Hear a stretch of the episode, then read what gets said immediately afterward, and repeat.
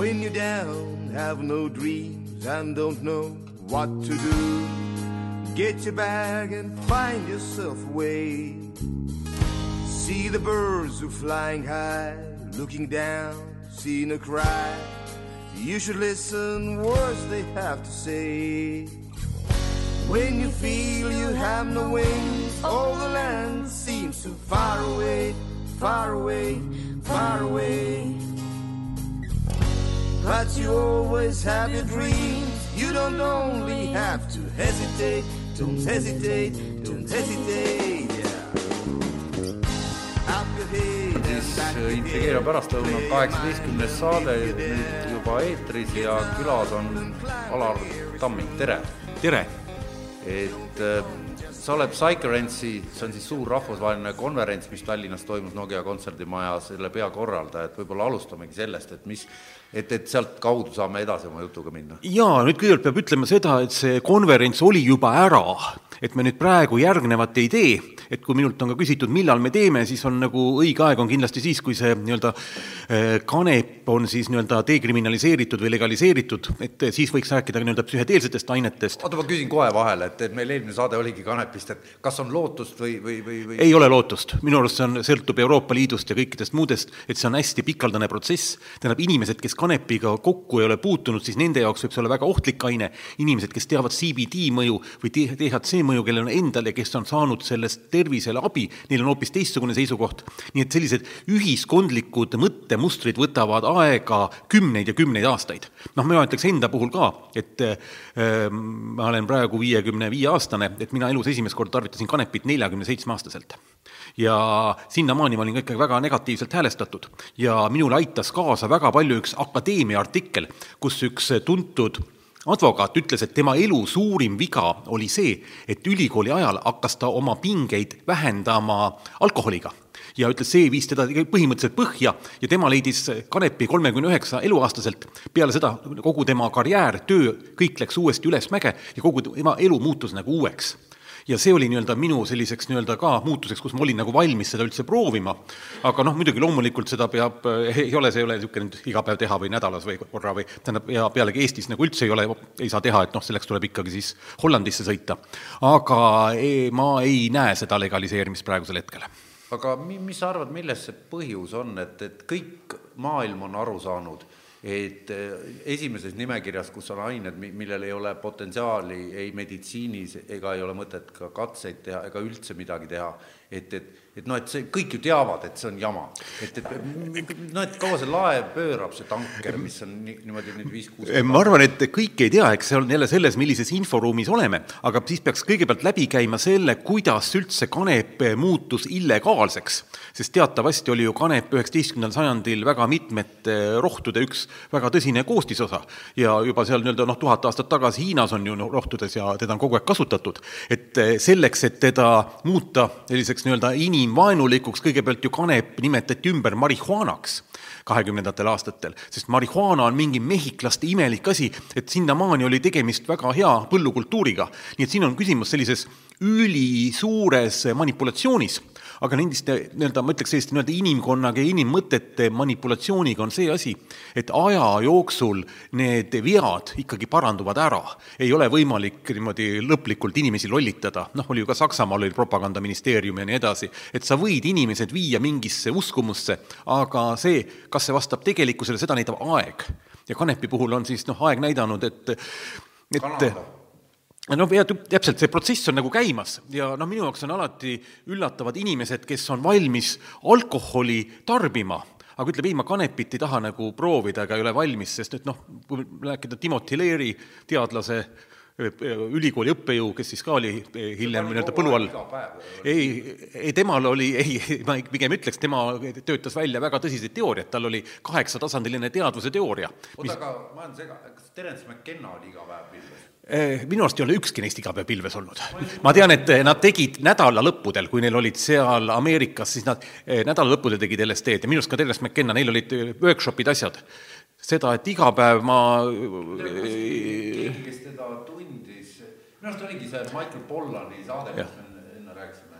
ma tean küll ühte inimest või paari inimest, kes ütleme, iga päev teevad kanepit ja ka toimivad kuskil Austraalias üks abielupaar ja väga hästi saavad hakkama. et, et nad äh, elavad seal kuskil ühes mägedes ja, ja ma käisin neil külas ja nendel oli see nagu ütleme, elustiil ja mitte midagi jäänud tegemata aga me nüüd räägime nüüd uuesti ikka, eks ole, see ei ole nagu propaganda ja kui nagu, nagu kanepi juurde tulla, et viimane mõte oli see, et siis nagu kanepi ja alkoholi vahel, et eh, kanep viib teadvuse ühe tasandi allapoole, Timothy Leary nii-öelda kaheksatasandilise teadvuse teooria järgi ja eh, tähendab, alkohol viib ühe korra, ühe tasandi allapoole ja kanep viib ühe tasandi ülespoole. nii et kui inimene ei ole valmis kanepit proovima, noh siis noh, ega mina ei saa ka talle ütlema, ütelda, et ta seda tegema peaks. ja, ja, ja noh, et see ongi, et need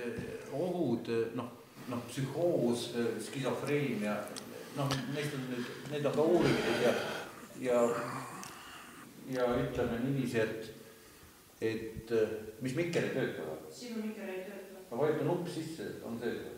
ta on sees. äkki, äkki ma kas nüüd töötab? üks, üks, üks, üks. mis mõttes ei tööta?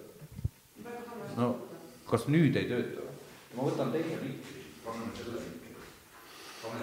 Ma lihtsalt siis, see siis, no kas see töötab nüüd või? no ma võtan siis väikesed tehnilised, tehnilised küsimused, lahendame käigu pealt ära. äkki räägin selle vahepeal alkoholi.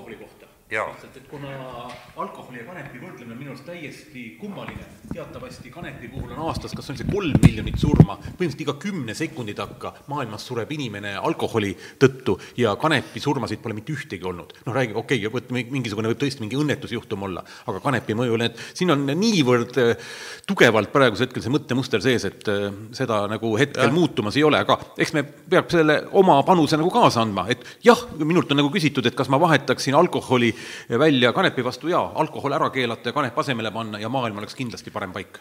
ei, mina olen selle poolt, et kõik oleks legaalne, sest ükskõik, mille sa ära keelad, kõigega on jama pärast, teistpidi, noh, kas majanduslikult või, või siis kriminaalsed teemad tekivad, siis kõik ju läheb põrandale, kõik tuleb ikka. mida, kui nõudlus on, tekib pakkumine ka. jaa, see on jah, et küsimus ongi selles, et kas kes peaks otsustama, mida inimene võib teha ja mida mitte, mina ütlen, et kõik, mida on loodus tootnud ja kui inimene tahaks seda süüa, siis see peaks loomulik olema, et inimesel on ju maitsmismeel. Maitsmismeele eesmärk on ära tunnetada, kas aine on kasulik või mitte. et mitte ei ole selle järgi vaja vaadata, et kas see on best before, et kas on hea või mitte. me peame selle suhu panema ja sööma. et kui mina reisil käin ja näen mingisuguseid puuvilju või vilju kuskil metsas, siis ma tavaliselt proovin ja kui on kibe, ma sülitan välja. ja mulle meeldib see võrdlus, et noh, et kuidas seletada pimedale sündinud pimedale rohelist värvi, et et see on sa-, sama, kui seletada sellele, kes ei ole proovinud neid, millest noh, erinevaid taimi, millest me hakkame siin rääkima, et, et, et neil ei ole ettekujutustki, millest jutt käib üldse. ja, ja nüüd, kui minna selle Psycherence'i juurde tagasi, siis küsimus on selles, et praegusel ajal on toimunud väga-väga, kohe väga palju teadusuuringuid, mis näitavad psühhedeelsete ainete kasulikkust. ja loomulikult siis psühhedeelsed ained ja narkootikumid on täiesti erinevad ained ja kui me korraldasime selle konverentsi, siis eesmärgiks oligi tuua nii-öelda ühiskondlikku teadvusesse see, mis siis nii-öelda teadusmaailmas toimub ja see nii-öelda viia avalikkuseni, et just, et psühhedeelsed ained ja narkootikumid on erinevad, me kutsusime siia siis neli maailmakuulust teadlast. Ja siis meil oli niisugune väga huvitav päev. võib-olla ütled ka, et kes need olid, et nii, ma panen siin ühe väikse pildi ka kohe ette, et meil olid siis nii, väike pilt, ja Eestis olid siis kohal eh, Luis Eduardo Luna, kes on eh, ayahuasca uurija et ayahuasca on siis taimne tee, mida siis Brasiilia šamaanid kasutavad. eile tuli teadusuudis välja National Geographicust, et tuhat aastat tagasi ühe šamaani varustuse hulgas siis leiti ayahuasca tee valmistamise kas jääke või siis nii-öelda neid vahendeid või jäänuseid.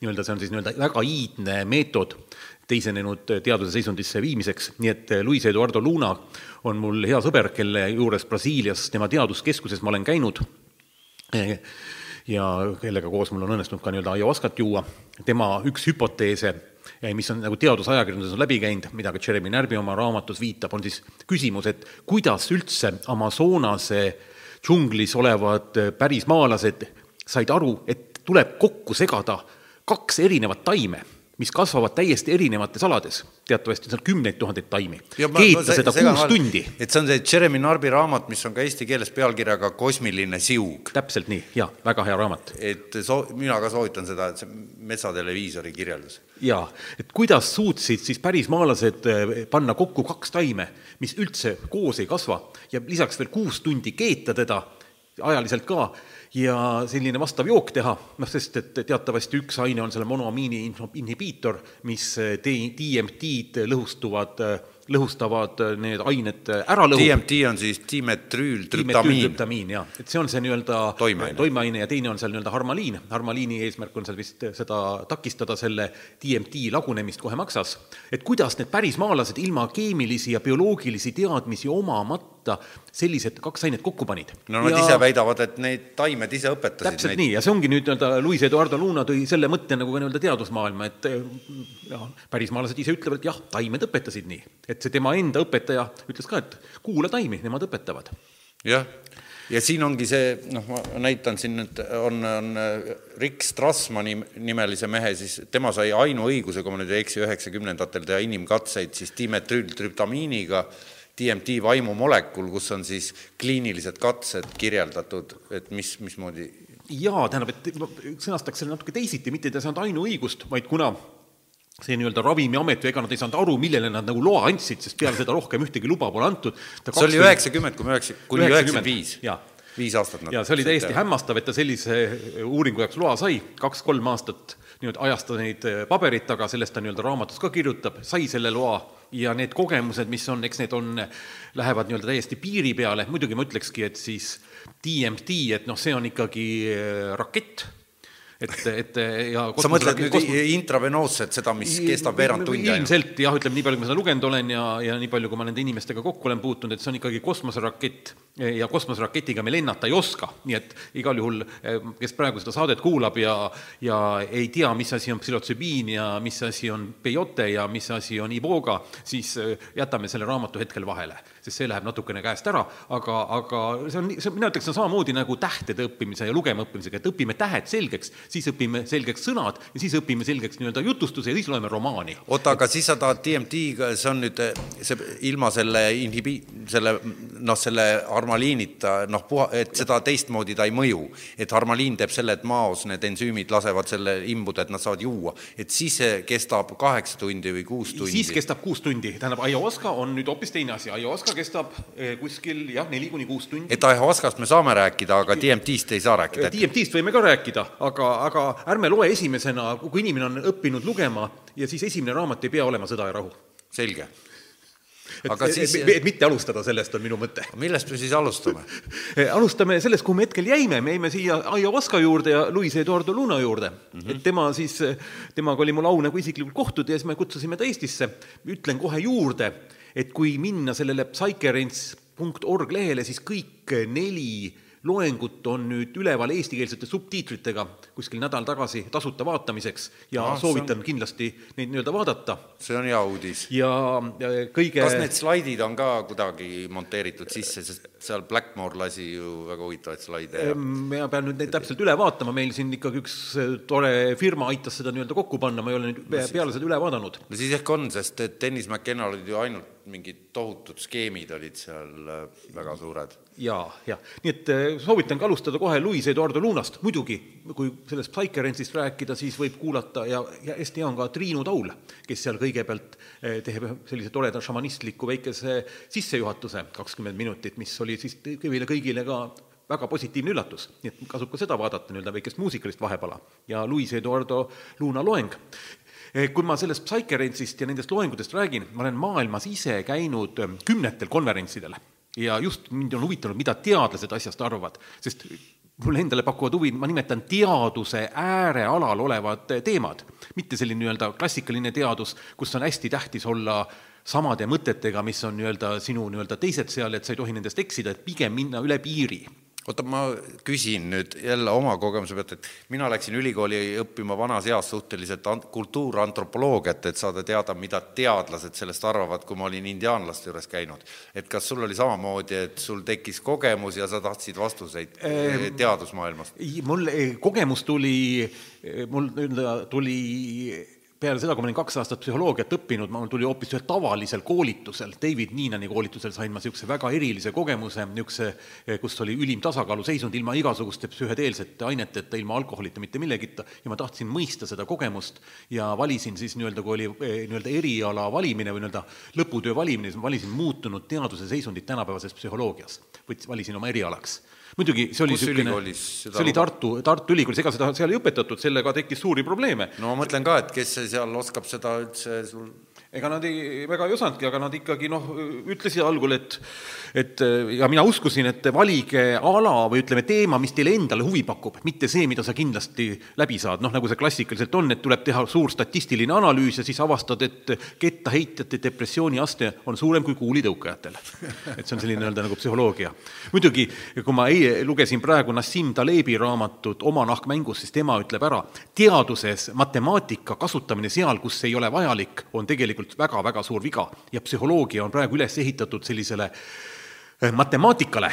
Ja selle koha peal on minul omamoodi hüpotees, miks ta on niimoodi, et kuna esimesel kursusel kohe öeldakse seda, et Immanuel Kant kuskil oma teoses ütles, et psühholoogia ei muutu mitte kunagi teaduseks siis mina nii-öelda veel psühhoanalüüsiga ka tutvununa ütlen, et siin on nii-öelda kollektiivne alatead-, nii-öelda alaväärsuskompleks psühholoogidel, teaduspsühholoogidel, et tõestada ära, et Immanuel Kant eksis, on siis välja võeld-, mõeldud igasugused suured teaduslikud nii-öelda valemid, kõik need tõenäosusega B, B tõenäosus nivood null koma viis ja kõik, noh, ma ise olen ka selle muidugi läbi teinud, aga sisuliselt see maailma kindlasti paremaks ei tee ja mulle tundub, et psühholoogia on kaugenenud sellest, mis ta peaks olema, ehk nii-öelda inimese psüühika sügavuste uurimisest. no aga eh, kuhu, kuhu sina tõmbad selle joone psühholoogia selles mõistes, millest meie räägime, et, et kust see sinu arvates alguse sai? Ehm, nii, tähendab nüüd küsiks, mis koha peal see küs-, täpsustaks seda küsimust natukene veel korra? ei, ma mõtlen selles meie kontekstis, et ütleme, kas Gordon Wassoni, ütleme, seente toomisega viiekümnendatel või, või noh, kus see, kus, kus see valdkond see, ma arvan, et sealt valdkond läheb juba natukene varasemast, eks ta sealt nii-öelda Freudi juurest läheb. et see on see klassikaline lähenemine, et kas kõik, mis toimub, on ainult noh, nii-öelda nagu behaviorism, et väljaspoolt on stiimul, midagi tuleb mulle telefonikõne, siis on reaktsioon, noh, tuli mulle telefonikõne, ma tulin siia, eks ole, stiimulreaktsioon. aga tegelikult omab tähtsust ka see, mis toimub nii-öelda selle protsessori sees, mitte ainult see, mida me väljapoolt näeme et sealt alates ja kuna psühholoogia ei saa seda sees olevat mõõta, ta saab mõõta selle sees oleva väljendust, aga see, mis minu sees toimub, seda näen ju mina ise, mina praegusel hetkel räägin, ma tean, mis minu teadvuses toimub ja samasugune teadvuse protsess on sinu sees, kuigi ma ei tea, milline mõte sul praegu parasjagu peast läbi läheb. seda ma saan teada alles siis, kui seda väljendad. ja see on teaduse jaoks hirmutav sest nad ei saa teada, mis inimese sees on. ja mina arvan, et sealt alates nii-öelda Freudist ja Jungist, kes siis aeg-ajalt psühholoogiast välja visatakse, on see nii-öelda pihta läinud, sest eh, pihta hakanud, sest noh, see oli nii-öelda natukene ohtlik. Ja kõik need muud asjad, mis on siis edasi seda kaasa aidanud, rohkem, ma nimetan sellised nii-öelda psühhoanalüütiliselt võimalik mõista neid sisemisi protsesse, kaasa arvatud Vasson ja need seened ja, ja noh, Peyote oli juba eelnevalt, eks, oli teada juba üheksateistkümnendast sajandist lõpust. Et eh, kõik need on sellele kaasa aidanud. Ja sealt see lõhe lähebki kogu aeg suuremaks ja kui ma nüüd edasi läheks, siis selle lõhe on väga hästi ära kirjeldanud Ken Vilber, ma näitaksin ühte tema raamatut ka siin. See on siis kõiksuse, paneme siia kaamerasse, kõiksuse lühilugu.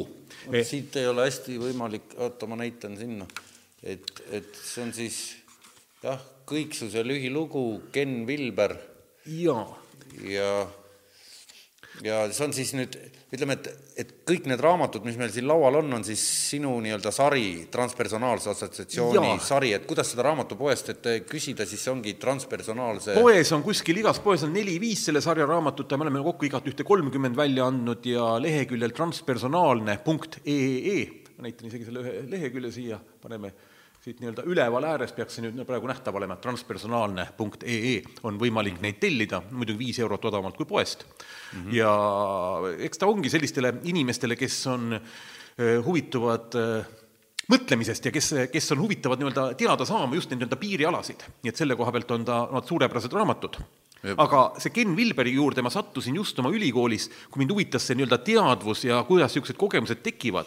Ja tema siis oli esimene, kes pani kõik need teadvuse ja kogemused väga selgesse struktuuri, noh, ja minu jaoks see raamat oli kindlasti niisugune nii-öelda, ma nimetan elu muutev raamat, see Kõiksuse lühilugu. et ma lugesin ja ahmisin õhku muidugi viimane kolmandik, selle võiks kohe lugemata jätta, sest see nõuab, ma ei tea, niisuguseid ülisügavaid teadmisi juba budismist ja asjast, sealt läheb ikka minu jaoks kõik asi käest ära, aga see esimesed kaks kolmandikku juba see oli nagu väärt. ja mida tema ütleb, ongi, kõik asjad saab jagada laias laastus kaheks, üks on sisemine kogemus, teine on väline.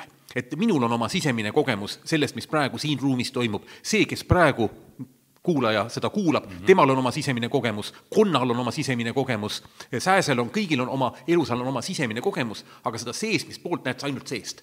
ja teiselt poolt nähakse väljaspoolt. ja psühholoogia tahabki tegeleda ainult selle välise kogemusega, aga minu arust see sisemine kogemus, mis on võib-olla kogu teadusuuringute aluseks, ehk mis asi on elu, kuidas me siia üldse sattusime, mis asi see on, mis siin üldse nagu toimub, siis see on minu arust kõige tähtsam. kas sa arvad, et äh, see on psühholoogia äh, üldse pärusmaa on, et et uurida seda nii-öelda hard problem'it, see mind body. jaa, ma arvan, et see on kogu teaduse ala, sest mida, mida need esimesed äh, alkeemikud, Isaac Newton ja kes need seal olid, eks ole, kuigi nad tead-, jaa, ma räägin, nemad olid alkeemikud, nemad tahtsid ja Giordano Bruno ja Galilei Galileo ja nemad tahtsid kirja panna jumalikke seadusi, mille järgi universum toimib nii et nemad, nemad olid kindlalt veendunud sellise vaimse spirituaalse dimensiooni olemasolus. no eks ta lähebki, ma olen jõudnud ka järele, et see subjektiivne kogemus ja objektiivne, eks ta läheb ka selleni välja, et kas maailmas eksisteerib midagi meist kõrgemat või mitte, eks ta läheb niisugustesse vaimsesse dimensioonidesse, usulistesse dimensioonidesse, nii-öelda sellisesse sügavatesse vaidlustesse Platoni ja Aristotelese aega välja, kus nagu noh, vastust ei ole, igal hetkel iga inimene peab ise omale valiku tegema. no ja ma vaatasin, sul oli loeng Kirna mõisas paar aastat tagasi, seal sa alustasid selle Platoni varjuteooria äh, teemaga, et inimesed aheldatud ja pilt, väga, väga visuaal, kus sa need pildid said, et seal olid niisugused graafi-.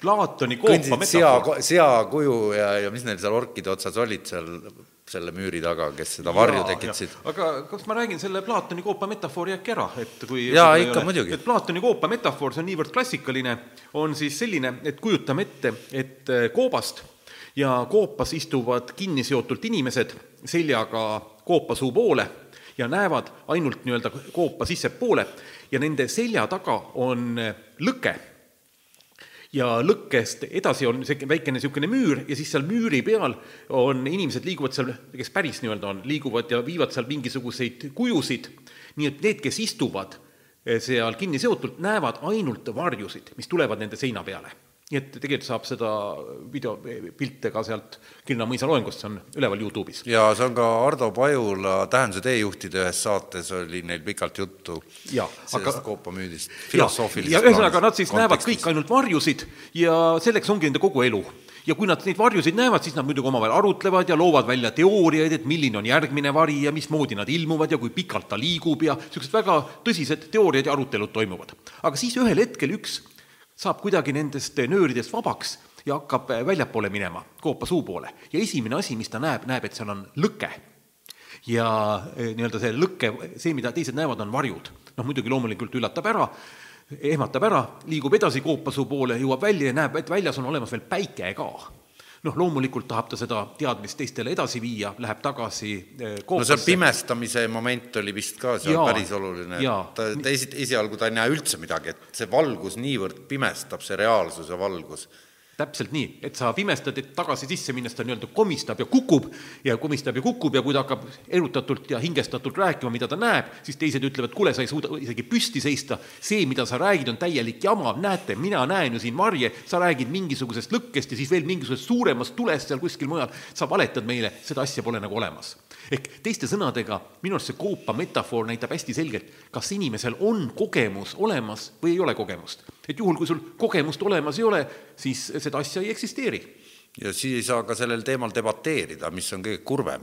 eriti teadlastega, kes on muidu noh, teavad, kuidas maailm töötab, aga kui ei ole kogemust, nad teavad ka, kuidas dopamiin, serotoniin, kõik see, kusjuures DMT on ju ka endogeenne, noh, või kuidas see on, indo, endo. jah, endogeennaine, DMT toodab meie enda keha, nii et käbinääre või kus ta on kuskil? Eh, DMT kohta on mitte ainult käbinääre, tähendab kõigepealt DMT-d eksisteerib igal pool, noh, mitte nüüd kõikides taimedes, aga väga paljudes taimedes on teda, inimkehas on, loomades on ja vähe sellest, teda on ka kosmoses sellises nii-öelda galaktikate vahelises aines avastatud, nii et mis ta täpselt eesmärk on, ei ole siiamaani teada, akaatsia taimedes on teda hästi palju ja inimkehas on teda huvitaval kombel, on kõige rohkem kopsus. jah, on tehtud hüpotees, et käbinääre teda toodab, et see on hüpotees, see ei ole kinnitust leidnud. Irdel vist on kinnitust leidnud, et või ei ole? siin on, ei, ole seda nagu paljudel konverentsidel arutatud, et see on hüpotees, aga see ei ole üldse välistatud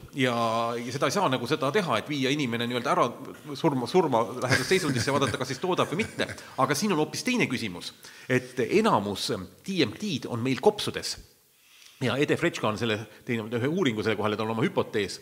ja kopsudes on neid väga-väga palju ja kopsudes on ainult üks molekul piltlikult ees, mis takistaks selle vabanemist. et on vaja üks väikene keemiline reaktsioon ja kohe tuleb kopsudesse DMT.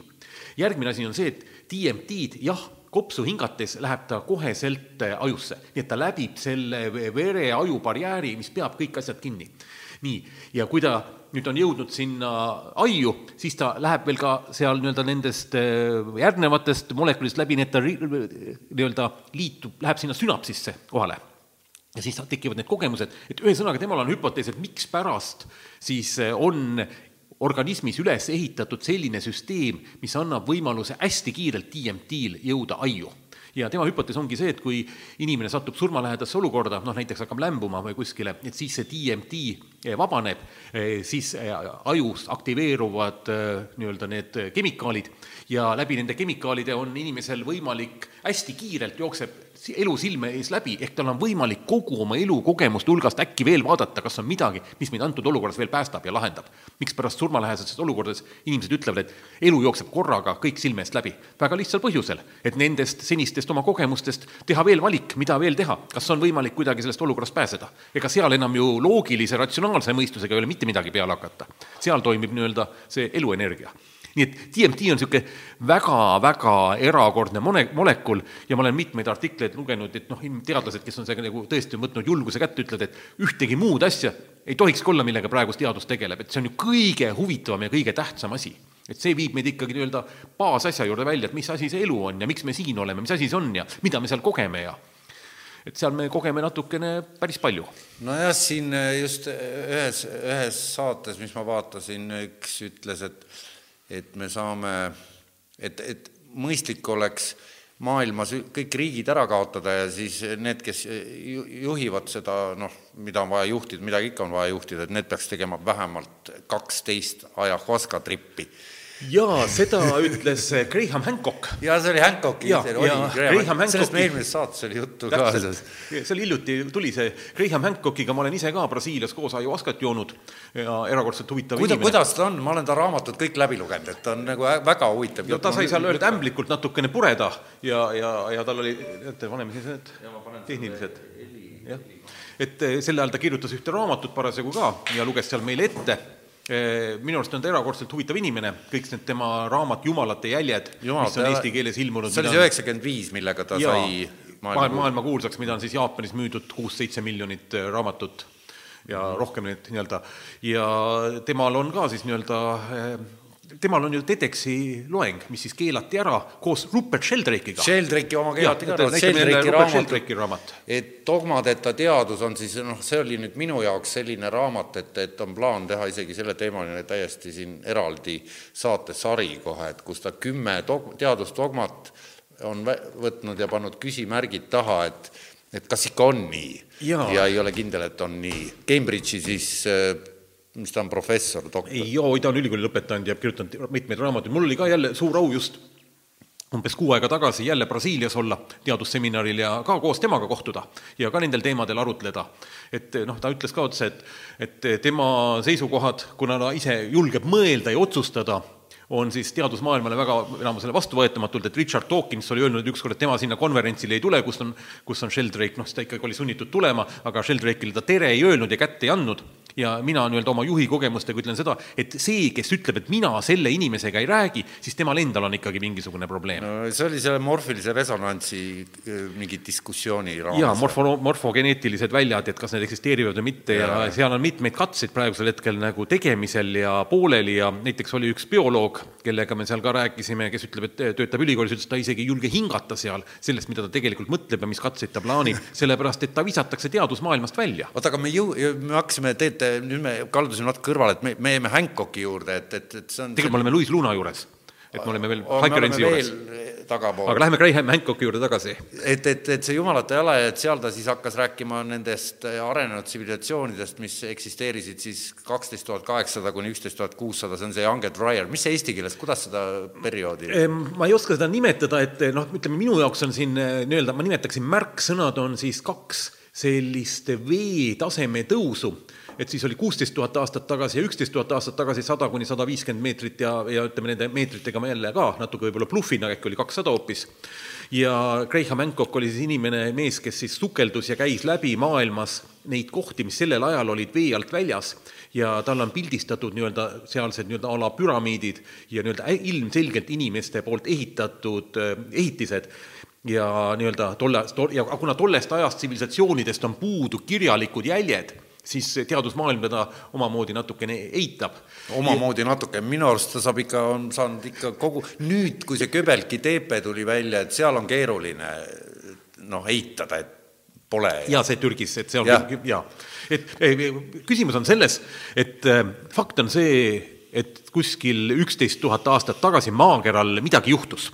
et minu jaoks ei ole see mingit kahtlust, et üks asi oli see, et ootamatult lõppes see jääaeg, et Eesti vabanes jääst, eks ole, sellest nagu räägitakse, aga kui näiteks vaadata Niagara juga, siis eh, Niagara juga pidi iga aasta liikuma ära ühe meetri tahapoole erosiooni tõttu. Ja on näha üksteist kilomeetrit jälge, mismoodi ilusti on Niagara juga liikunud, aga sealtpoolt edasi nagu ei ole. et tundub, et üksteist tuhat aastat tagasi maa peal toimus ikka mingisugune tõsine katastroof et noh, loomulikult ta võib minna sinna Platoni järgi ja, ja Atlantis ja nii edasi, noh, need on kõik jälle hüpoteesid ja nendel hüpoteesidel on kindlasti mingi põhi all. aga mis toimus, seda ei tea. ja see on see, mis siis Graham Hancockile nagu no tema väidab seda meteoriit, et tabas Põhja-Ameerika jääkilpi ja siis toimusid tohutud sulamised, et nad käisid koos selle Carlsoni, mis selle te- paleontoloogi nimi on, kellega nad vist oli Carlson või? vahet ei ole, ühesõnaga käisid uurimas neid tohutuid kivilahmakaid, mida see megaruttu siis sulav mitmekilomeetrine jääkilp siis lohistas mööda maakamarat, et ja nüüd nad on seal ripa-rapa laiali ja et kuidas nad sinna said ja mis jäljed nad on maha jätnud ja et teadlased, noh, et, et, et seal mingi arheoloog hakkas sada aastat tagasi juba seda väitma ja siis materdati kuni enne surma, kui ta oli üle üheksakümne, anti talle vist mingisugune preemia ja lõpuks öeldi, et okei okay,, oli jah nii. et, et aeglaselt muu, noh, see teadusmaailm reageerib neile asjadele, et Hancock üritab kuidagi seda protsessi, ma saan aru, kiirendada või? ma arvan, et ta lihtsalt eh, saab oma väikese panuse anda, mulle ka meeldib selline mõte, et ega me seda maailma eriti suurt eh, muuta ei saa ja et eh, hea, kui me suudaksime ta jätta natukene paremini, paremini maha, kui me siit lahkume, aga noh, tõenäoliselt ei suuda, sest ega noh, palju siin maailmas neid liike veel üldse ikka järgi on, kolm miljonit siin on kohe välja suremas ja viies väljasuremislaine on käimas. Ja, ja oota, täpsusta, mis see tähendab, küsimus on selles, et on olnud maailmas eh, neli suurt eh, väljasuremislainet, kus on siis kas seitsekümmend kuni üheksakümmend viis protsenti kõikidest liikidest on eh, hävinud. ja noh, ütleme viimane oli siis nii-öelda see dinosaurustega, aga ka enne seda on olnud. ja praegusel hetkel on käimas viies liikide väljasuremislaine, kus siin nii-öelda iga päev sureb välja mõni, mõni liik praegusel hetkel.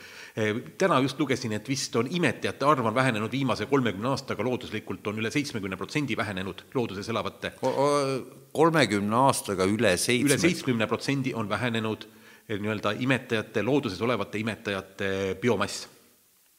Need arvud on, muidugi need, vot see kõlab nagu katastroof. ei no ongi katastroof küsimus, siin ongi selles, et eh, nüüd on, pigem on see, et kui nüüd ka keegi seda loengut kuulab, siis et ja juttu, mis me räägime, siis ma just hiljuti kuulsin, üks mees, kes ka rääkis nendest kliimast ja kõikidest nendest asjadest, ütles, et eh, tegemist on väga tõsisega, et eh, tõsise probleemiga, et see on niisugune samasugune asi nagu, et et kuidas sa inimesele ütled, et eh, kui on keegi näiteks surmavalt vähihaige, et ta varsti ära sureb. Et kui nii-öelda praegu, et kui inimkonnaga on võib-olla nii-öelda, hakkab asi võib-olla päris nii-öelda lõpustaadiumitesse jõudma, et kuidas me seda ütleme, sest see tekitab väga tugevaid leinareaktsioone ja väga tugevaid ne- negatiivseid emotsionaalseid reaktsioone, sest me keegi ei taha nagu surra. aga mis ma tahan lihtsalt öelda, et see protsess on praegusel hetkel väga, väga tõsine. et äh, viimased asjad, mis ma olen nagu ise vaadanud, et tõenäoliselt kas see järgmine või ülejärgmine aasta on äh, põhjapoolus tõenäoliselt jäävaba. seal on ka siis kaheksakümmend protsenti igijääst on ära suranud, samuti kolmekümne aastaga. ja tõenäoliselt, väga tõenäoliselt muidugi ka see aasta, võib-olla juba siis septembriks on jäävaba, mis tähendab, et albedo efekt tekib, et eh, vesi tähendab, nii-öelda hakkab absorbeerima täiendavat päikeseenergiat ja koos selle päikeseenergiaga hakkab surema ka igikelts ja sealt siis vabanevad veel lisaks ka metaan, teised kasvuhoonegaasid, ehk, ehk selline nii-öelda projekteeritud, kus me võitleme mingisuguse kahe või kolme kraadise temperatuuri tõusu vastu, et see võib väga kiiresti ületada ja siin võib temperatuuri tõus olla ka viis kuni kümme kraadi väga lühikese aja jooksul. nii et siin on hästi palju protsesse käimas nii-öelda selle nii-öelda inim-, inimeste puhul. aga rääkisime sellest, et hea on, kui me anname nii-öelda maailma paremana tagasi, ehk anname sellegipoolest alati oma panuse, et maailma nii-öelda paremaks muuta ja Graham Hancock siis minu hinnangul ka kirjutab neid raamatuid, seda, mida ta kogenud on, mina samuti, ma tean, et mina ju maailma muuta ei saa, okei okay,, kilekotti ma ei kasuta, vaatan ikka paberkotti, ma teen selle oma panuse ära, aga midagi rohkemat ma teha ei saa, ma saan jagada oma teadmisi, ma saan jagada äh, raamatuid, mida ma olen lugenud, mis mind on puudutanud, et noh, muidugi see on põhiline, mida saab teha, on teadmisi jagada. ja teadmine ei ole see, mida ülikoolis antakse, see on ka hea, on ka hea teada on, on, et ja, ja see on ka põhjus, miks eh, mina siin seda asja teen, et et, et, et tänapäeval meil on ju selline võimalus, et nii minimaalse tehnoloogiaga jõuda kõikide inimesteni planeedil, kellel on internet, et et seda tuleb igal juhul kasutada ja, ja, ja just nimelt eh, ma olen ka seda meelt, et et just eh, noh, hariduse ja, ja, ja noh, ja, ja, ja, ja tutvustamise, levitamise eesmärkidel ja, ja see raamatusari tõesti, ma olen ka, ma veetsin ülemöödunud talve sisuliselt iga päev lugesin neid raamatuid, sellesama sarja raamatuid, et, et need on tõepoolest, et kes, et sa ise teed selle valiku üksinda või? et ma olen koos ühe sõbraga, oleme teinud seda ja noh, muidugi näiteks ütleme, jälle ühe raamatu, see on siis näiteks Stanislav Grof, tulevikupsühholoogia temal on see Elsaneni instituut seal Californias? tema oli ka seal jah, nii-öelda õppejõuna. et eh, kõik, kes on Ken Wilberit lugenud, öeldakse, et lugege ka Stanislav Grofi ja kui ma seda raamatut, noh, ma aitasin, olin, organiseerisin selle tõlkimise ka ja selle nagu läbi lugesin, siis noh, psühholoogina olin ma jällegi nii-öelda sõnatu, tema oli ka selline klassikaline psühholoog, kes siis sai vastavad kogemused ja siis julges hakata rääkima seda, kuidas asjad on. jah. temal on muidugi teooria nii-öelda inimpsüühika kohta, mis ta andis hästi tervikliku kaardi inimpsüühika kohta, eh, millest psüühika koosneb ja millest koosnevad meie mälestused ja kuidas käib psüühika lahtiharutamine. et ma soovitan seda lugeda, põhimõtteliselt on see asi väga lihtne, et kõige peal on meil eh, biograafilised mälestused. et kui me hakkame ka näiteks psühhedeelsete ainetega endaga tööd tegema, ma nimetan tööd, mitte et me ei kasuta seda ainult, et jälle fänniks, siis meil meenuvad lapsepõlvest väga eredalt mälestused, kogemused ja eriti niisugused emotsionaalselt eh, tugevad kogemused, mis on meid nagu mõjutanud ja nende juures on võimalik jõuda siis nii-öelda kõige, nimetame seda baaskogemusi, kus sa esimest korda mingit kogemust kogesid, noh näiteks ütleme, inimene, kes väga tihti tunneb häbi ja kes on ebamugavus, võib jõuda kogemuseni, kus tal lasteaias tehti häbi, häbi, häbi ja kui see talle meenub, siis ta vabaneb selle energeetilisest mõjust. ja samamoodi on inimene võimeline vabanema kõikidest sellistest eh, kogemuste mõjust, mis meile ühiskond nii-öelda peale pandud. Kui need on nagu läbi käidud, siis järgmisena suudab inimene kehaliselt läbi kogeda oma sünniprotsessi. ja see on meil kehamälus nelja erineva kogemusena. et esimene kogemus on siis selline, kus loode hõljub äh, emas kõhus ringi täiesti vabalt, see on nii-öelda lõputu kosmoses hõljumise tunne, täielik paradiisi seisund, sinu kõik vajadused on rahuldatud, toit saabub, äh, hapnik saabub sealt ka, sealt äh, ja noh, kõik saabub, kõik on ideaalne ja väga hästi. teine staadium on see, kus sa järsku natukene hakkad kuidagi kitsamaks hakkab minema ja siis sa tõmbad ennast kägarasse ja lõpuks järsku selgub, et sa oled justkui vangis ja oledki nii-öelda kägaras, praktiliselt liikumatult ja midagi nagu teha, teha ei saa. et see on selline, ta ei ole veel valutunne, aga ta on niisugune natukene raske tunne, kui inimene seda kehaliselt uuesti kogeb. kolmas tunne on siis see, tähendab, tei-, teine kogemus lõpeb siis sellega, et sa oled seal sellises nii-öelda vangis, aga mingil hetkel vangla seinad hakkavad sind peksma ehk hakkavad emakakontraktsioonid.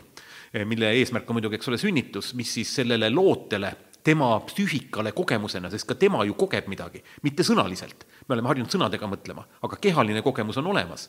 nii et tema kogeb seda praktiliselt eh, surmana, sind pekstakse ja sa näed, et mingit väljapääsu ei ole, kui inimene selle kogemuse uuesti kätte saab Eh, sellele järgnev kogemus on kolmas ehk sünnitee läbimine, mis on samamoodi väga lähedane suremise kogemusega. muidugi selle vahega, et kui sa selles nii-öelda teises maatriksis sind nii-öelda pekstakse, sa oled nii-öelda vangis, siis sa ei saa midagi teha, siis kolmandas sa pääsed liikuma. et sa nii-öelda piltlikult võitled oma elu eest ja kolmas kogemus lõpeb siis sündimisega ehk kukkumine valgusesse, esimene kokkupuude gravitatsiooniga, mille kohta võiks ütelda nii, et see on siis nagu tõugust liblikaks saamine see on täiesti uus, uude psüühilisse reaalsusesse minek ja esimene hingetõmme. ja öelda, et need ei ole meie mälus olemas, sellepärast et ajus on puudu müeliinikiht, on muidugi noh, ekslik, Stanislav Grof on seda noh, mitmes kohas näidanud, et mälu ei, mälu ei vaja aju, see on ka omaette küsimus, millega võiks siin teadlastega vaielda nii et eh, inimene psühhedeelsete ainete all on võimeline neid kogemusi nagu mäletama. Ja kui ta need kogemused ära mäletab, siis ta puutub kokku transpersonaalse reaalsusega, millest räägib see vaimumolekul ja DMT ehk selliste nii-öelda teiste reaalsustega, mis siis eh, klassikaliselt on eh, hallutsinatsioon, patoloogia, isegi psühhoanalüüsi järgi nii-öelda soov isakuju järele või siis oma seksuaalsete vägivaldsete impulsside sublimatsioon aga mulle väga meeldis Rick Strassmani ütlus, et kui ta oli nii paljude inimestega kokku puutunud, et, et ma ütleks nii, et tõelist intellektuaalset väljakutset nõuab selliste eriliste kogemuste võtmine nii, et äkki nad nii kogevadki, et äkki see nii ongi. et me tahame kõiki niisuguseid kogemusi panna mingisse lahtrisse, et, et ta nii ikkagi ei ole. et kui me siin psühhedeelset kogemust on, et noh, meie aju kujutab midagi ette, aga, aga võtame sellise intellektuaalse katsega, äkki kõik ongi nii. ei no aga selle nimi on Occam's razor jah, see habemnuga, jah. ja hakkame habemnuga, et ja. milleks keerulisema variandiga tegeleda, kui saab lihtsam. aga see on ka väga lihtne põhjus, tähendab, teadus ei saa seda võtta, sest et kui sa võtad aluseks eh, sellise, need kogemused on päriselt, see eeldab ka seda, et eksisteerib teisene reaalsus, eksisteerivad teistsugused entiteedid, eh, elu on tunduvalt suurem kui noh, meie ise, mis tähendab, et kogu meie teaduslik paradigma kukub kokku ja ikkagi see on nii-öelda eksistentsiaalne küsimus teadlastele, et ma pakuks välja, et alateadlikult võideldakse sellele kindlasti vastu.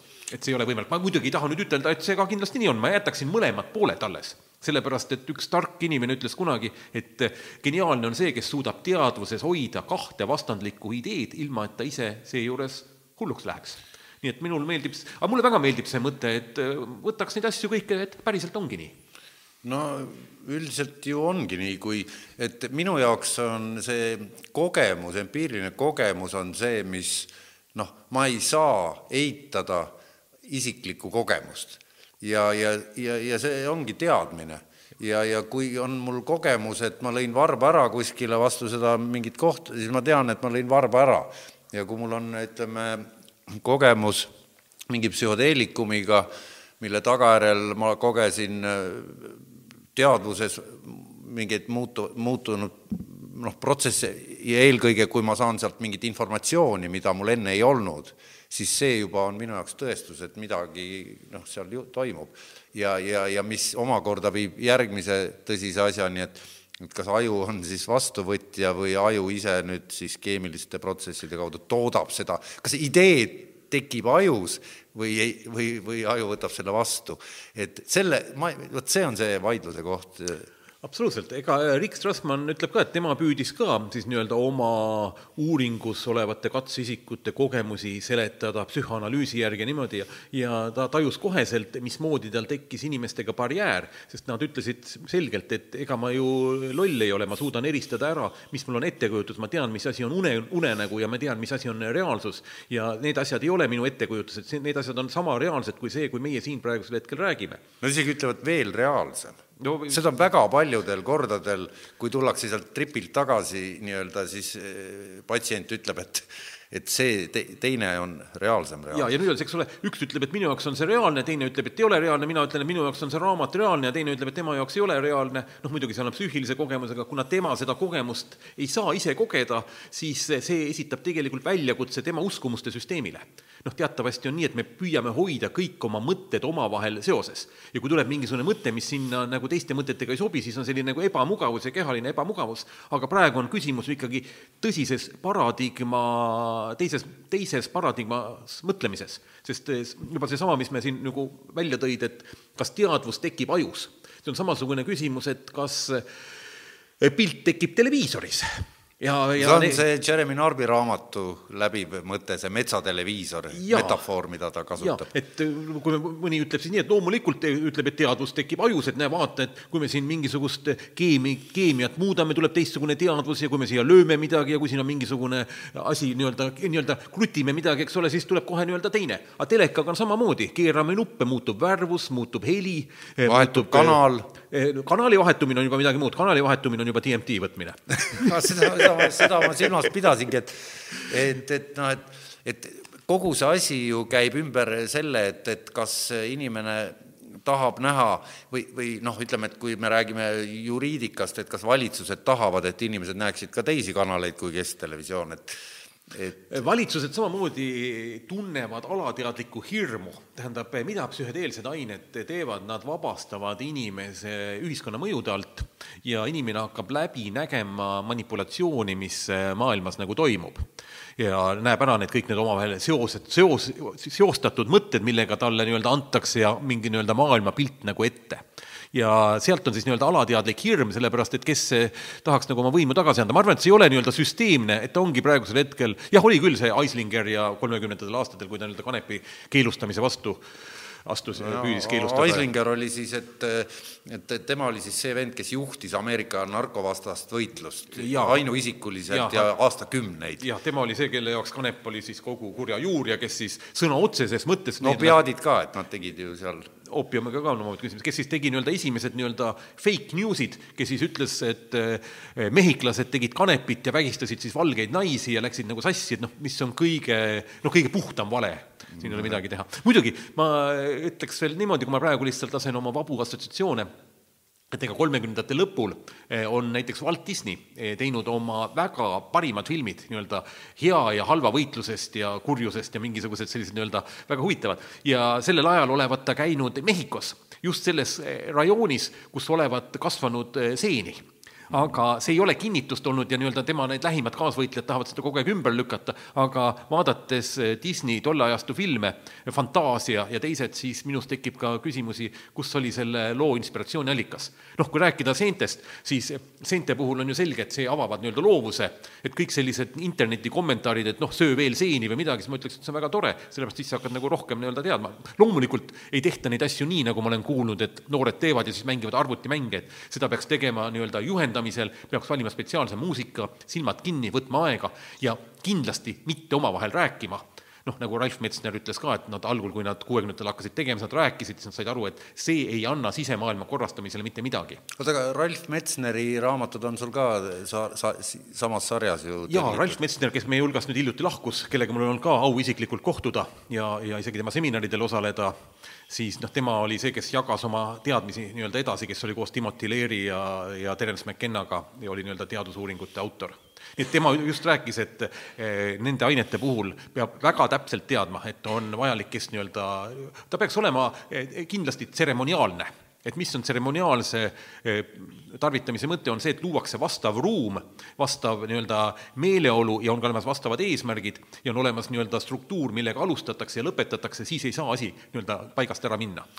Aga kui sa lihtsalt lähed ja võtad ja nüüd näed seal ühe seene, paned suhu, noh, nagu mul üks tuttav oli, et ka, kes ükskord ühel tseremoonial osales, ütles, et nojah, et temal on ikka umbes, et muidu, et et tseremooniaga on hästi, et muidu mine tea, et hakkad äkki järsku mudas püherdama ja midagi tegema ja hulluma, et, et seda nagu vaja ei ole.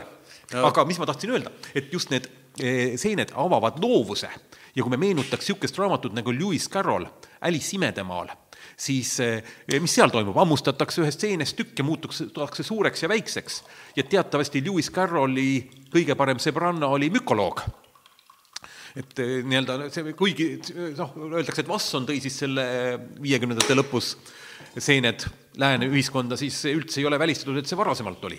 Ja veel mulle väga meeldib see näide, et kui Lewis Carroll oli raamatu valmis kirjutanud, siis see raamat meeldis kuninganna Victoriale. Nii väga, ütles, see on nii kihvt raamat, ja palus Lewisel siis oma järgmine raamat saata, kui see ilmub.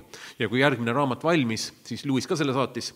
Ja kui see siis Victoriale kohale jõudis, ta oli muidugi natukene üllatunud, sellepärast et tegu oli matemaatikaõpikuga, sest Lewis Carroll oli matemaatik nii-öelda, et praegu on hästi selgelt on näha, mismoodi tema teadvuse kaks poolt tegelikult on mõlemad välja arenenud. nii-öelda loomingulisus, loovus ja matemaatika, mis eeldab absoluutset süsteemset no, äh, nagu lähenemist. aju vasak ja parem ja, ja jälle mul ütleks, et meilt on üks raamat Vasaku poole varjus.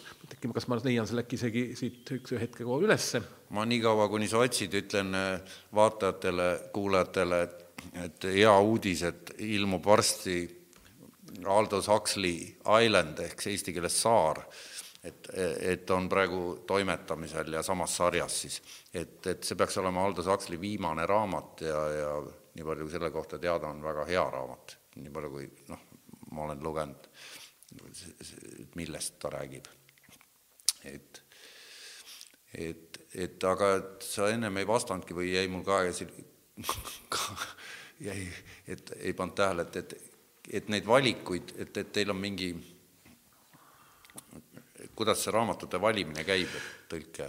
raamatu valimisel on mul olnud abiks Tanel Mällo, kellega valisime koos ja siis ma olen ikkagi ise puutunud kokku mingite raamatutega, noh näiteks praegu on ka üks raamat plaanis tõlkida, mis räägib sellest, mismoodi toimib taimede teadvus sest taimede meeleorganid, taimed on isegi vaata et rohkem meeleorganid kui meil, nad tajuvad seal gravitatsiooni ja õhuniiskust ja soojusi ja ja mismoodi nende juureotsad on nii-öelda need, mis siis liiguvad, tajuvad takistust, siis nad peavad ju tegema otsuse, kus suunas liikuda, mismoodi ta-, on, tehakse uuringuid, mismoodi taimed kuulevad ja tajuvad vett, kuidas nad teevad otsuse vee suunas liikuda, et mul on näiteks praegu üks selleteemaline raamat plaanis tõlkida, et ega see Eh, valik on omamoodi keeruline, mulle on ka soovitatud, milliseid raamatuid, ja siis ma olen nii-öelda transpersonaalse psühholoogia parimaid raamatuid valinud, loomulikult, millega ma olen nagu, kas, kas oled ise inglise keeles lugenud, näiteks seesama raamat, eh, mis ma praegu siin, ma ei saa hästi pilti ette, aga eh, Tony Wright ja Vasaku poole varjus on see, mida ma lugesin inglise keeles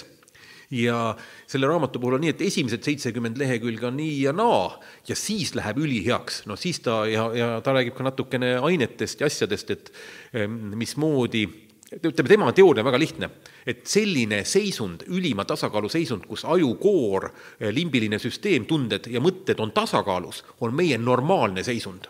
Ja me oleme sellest seisundist nagu oma evolutsiooni tõttu ja teatavate võib-olla ka toitumisharjumuste tõttu välja kukkunud et selline paradiisi seisund, mida kuldajastu, mida kõik nendes legendides kirjeldatakse, ongi see, mis on meie ideaalne hea, hea seisund, mis on tegelikult normaalne olek. nii et see on niisugune huvitav raamat, soovitan samamoodi nagu lugeda. et raamatuid on näiteks raamat Saada iseendaks, Carl Rogers, kuna ise ma olen nii-öelda humanistliku psühholoogia ja transpersonaalse psühholoogia eh, esindaja, siis eh, sellest raamatust ma lihtsalt kuulsin, et ta oli kirjutanud ühe raamatu noh, saada iseendaks, nii-öelda enda arust kirjutas psühholoogidele ja siis hakkasid seda Ameerikas lugema tavalised inimesed. terapeudi vaade psühhoteraapiale. jaa, et ta arvas, et ta kirjutab sellist nii-öelda spetsiifilist raamatut, aga see tavainimesed hakkasid lugema ja milles nagu asi on, et seal ta kirjeldab ära need põhilised noh, ütleme, ma ei nimeta nüüd eneseabi kontseptsioonid või asjad, vaid hoopis natuke sügavamalt kirjeldab ära, mikspärast inimene ei ole tema ise sest inimene arvab, et noh, ta, ma olen, mina ise, eks ole, ma olengi, aga inimestel on kaitsemehhanismid, on kompleksid, on lapsepõlve mõjud, asjad. Ja seal ta toob need välja ning näitab niisugused lihtsad asjad, et kuidas inimene võiks areneda. sealt tuli selline raamat. See on, kusjuures ma jäin praegu vaatama siin, et, et, et, et see oleks üks asi, millel peatuda, et, et Francis Crick, DNA noh, koos Watsoniga DNA viiekümnendatel nii-öelda avastaja on siis vist õige öelda, said, väitis pärast ise, et, et LSD mõju all tal kangastus see kaksikheeliks. Steve Jobs ütles ise, et ta tarbis seeni ja LSD-d, et kust ta sai oma ideid. siis neid teadlasi on, on, on veel, et, et, et et siin me ei räägi ikkagi mingisugusest äh, subkultuurist enam, me räägime ikkagi noh, mingitest faktidest, mida niisugune paindumatu siis see materialistlik teadusparadigma ei taha alla neelata väga palju karjääre läheks alla vett sellega. jaa, et eh, vaata, käime nüüd natuke järjest, ega siin on üle, juurde veel Richard Bransoni saab panna Elon ja William Musk. Jamesi ja ja, ja teisi, et eh, aga siis kõigepealt eh, Francis Crick, kes on tõesti erakord inimene, kelle puhul ma isegi soovitan lugeda Jüri Alliku artiklit Akadeemias Isiklik vaade Francis Crickile, siis tema puhul on see no, noh, ma olen, otsisin konkreetselt seda intervjuud, aga, aga konkreetselt nagu ei ole, aga, aga ta, ei lükka seda ümber ka. nii-öelda, et see, et kas ta, teada on see, et ta LSD-d tarvitas ja kas ta nüüd sai seal selle teadmise või mitte, et tema nii-öelda kriitikud ütlevad, et mõned ütlevad, et sai ja mõned ütlevad, et ei saa ja teda ennast nagu ei ole, et saaks seda ümber lükata, kuid faktiliselt on näiteks mustvalgel kirjas, et tema kuuekümne kuues või kuuekümne seitsmes aasta, igatahes Francis Crick kirjutas alla petitsioonile, mis nõudis seda, et kanep ei pandaks, et kanep vabastataks keelatud ainete nimekirjast. nii et igal juhul olid tal erinevate ainetega mingisuguseid kogemusi, selles ei ole nagu mingit kahtlust ja noh, Steve Jobs on öelnud, et eh, LSD kogemus oli tema kolme tähtsama kogemuse hulgas. ja noh, seente puhul muidugi ma räägiks ikkagi alati psühhotsübiini seentest, et eh, noh, siin ütleme loovusele on need asjad nagu välja, noh, pidevalt välja toodud, aga eh, filosoofidest, noh, see, et Stanislav Grof, mitte Stanislav Grof, see Sigmund Freud, Sigmund Freud oli ju siin kokaiini tarvitaja ja nüüd on aga kokaiin ei ole psühhoteelikum. eks ikka kokaiin ei ole psühhedeelikum, jah, tema on erguti. aga küsimus on selles, et kas ta oma teooriad oleks suutnud formuleerida nii selges sõnastuses ilma kokaiinita, sest tema kriitikud olid siin vahepeal isegi läksid karvaseks ja esitasid tema Nobeli preemia laureaadiks, aga kirjanduspreemia laureaadiks öeldi, et ta on kirjanik lihtsalt. aga minu jaoks on hästi huvitav tema raamatuid lugeda, Ahistuskultuuris, kolmekümne üheksandal aastal kirjutatud eh, no ülivajalik raamat kõigile praegusel hetkel. William James maailma kõige geniaalsem psühholoog no üheksateist sajand. üheksateistkümnes sajand, pragmatismi loo ja eesti keeles ilmunud ka raamat, tema tarvitas siis lämmastikdioksiidi ja ütles, et lämmastikdioksiidi all tema suutis aru saada, mida Heegel mõtles oma raamatute all, sest noh, Heegelit ei pidanud nagu keegi suutma lugeda, et hoolimata sellest, et loetakse ülivõimsaks filosoofiks, siis eesti keeles Heegelit ei ole siiamaani tõlgitud. nii et ma ei tea, et kui nüüd keegi siis lämmastikdioksiidi teeb ja siis mis asi see lämmastikdioksiid üldse on? see on eh, naerugaas, naerugaasi derivaat. naerugaas, seda noored ma olen kuulnud, et, et, et seda õhupalli sisse lastakse ja siis ja. hingatakse. jah, aga nüüd on jälle küsimus, et kuidas kasutada, et ja millal kasutada ja noh, ütlen, et minu enda isiklikud kogemused on kõik jah, olnud seal Brasiilias või Ibogaga mm -hmm. seal Inglismaal. oota, jäämegi Iboga, võib-olla oleks üks teema, mida nüüd et, et sellel on ikka raviomadused nüüd viimastel aastatel ikka väga selgelt nagu esile tulnud, et tähendab ravi, ravi nimekirjast väljas. jaa, ei ole nimekirjast väljas. nimekirjas üks, tähendab raviomadused, et kui nüüd klassifitseeritult rääkida, raviomadused on psühhotsübiinil, on MDMA-l, on no LSD uuringud on ka pooleli, aga alkoholismi ravis on, Ibogal, DMT uuringuid praktiliselt ei ole no Strassmani omad on. jah, Strassmani omad on, see on üks uuring. seal nagu ravist ei ole juttu, aga noh, ütleme kasulikkusest, et siin. Kokaiini kasulikkusest ei saa juttu rääkida ja heroiini puhul ka ei saa, et noh, on ju ka selge, et kui ma ei ole kuulnud ühestki kokaiini või heroiini tarvitajast, kes ütleb, et ta tegeleb mingite vaimsete dimensioonide lahti häkkimisega ja või vaimse arenguga. fentanüüli vend ei ole ka. ja, ja alkoholi puhul muidugi ka loomulikult mitte. nii et psühhotsübiin, iboga kaktused, meskaliin, LSD on, LSD puhul mõned jälle ütlevad, et on kunstnik, kunstlik, näiteks Ralf Metsner pakkus välja, kuna ta on hästi sarnane ka psühhotsübiini molekulidele, et ta on üks äh, seene koostisosa, aga me ei ole seda seent veel avastanud, on, on ta välja pakkunud et selline, see on jälle muidugi hüpotees. nii et tuleb eristama ära, et need on erinevad ained ja ja mida ma tahan öelda jah, et ega neid üldiselt tuleb siis reisima minna, kui keegi tahab nendega nagu kokku puutuda. jah, nii see käib, et minu kogemused on ka ikkagi välismaal, välismaalt sellised, et, et Arizona äh, reservaadis, et, et kui me räägime peoti kaktuse rituaalsest tarvitamisest, et tseremoonia kestis öö läbi ja kusjuures mina tegin selle, proovisin ära, et, et, et võrrelda, et ma võtsin väljaspoolt tseremooniat. Mingi täiesti tavalisel päeval, et, tseremoonial kasutatakse niisugune pulber on ja tee, mida peale juuakse. ja siis eh, roadman ütleb, kes ja millal seda siis eh, võtab. ja ma proovisin seda võtta keset päeva, noh, see, kelle juures ma elasin, et, et tal oli see seal kodus olemas, seda noh, sedasama peoti pulbrit ja seda teed ja ma jõin seda teed, et vaadata, kas ta, kas juhtub midagi sarnast, mis toimus tseremoonial, mitte midagi et, et see on ikka noh, see, see ei, seda, see ei ole nii, et ma võtan seda ainet ja, ja kohe kõik toimub. et, et see on aine ja taotlus ja keskkond, tähendab, et eh, kui mina olen tseremooniatel osalenud, siis eelnevalt on selline ring, kus iga esitab üks oma taotluse, mis on see, millega ta tegeleda tahaks siin, kas enda tervendamisega või mingi mineviku probleemide lahtilaskmisega, et see on, need on need kohad, kus on võimalik tegeleda selliste, ma nimetan oma draakonitega, need te-, mõtted, mida ei taha kuulda ega mäletada, et mitte kunagi enam, noh, mingisugused väga valusad mälestused ja rasked kohad. ja seal on võimalik need kohad ühendada psüühikaga tervikuks, sest seni, kuni me midagi endas ei eitame, seni jookseb eluenergia sellest kohast nagu mööda, nii-öelda psühhoanalüütiliselt ka öeldakse. nii-öelda sinna kohas on nagu psüühikas auk.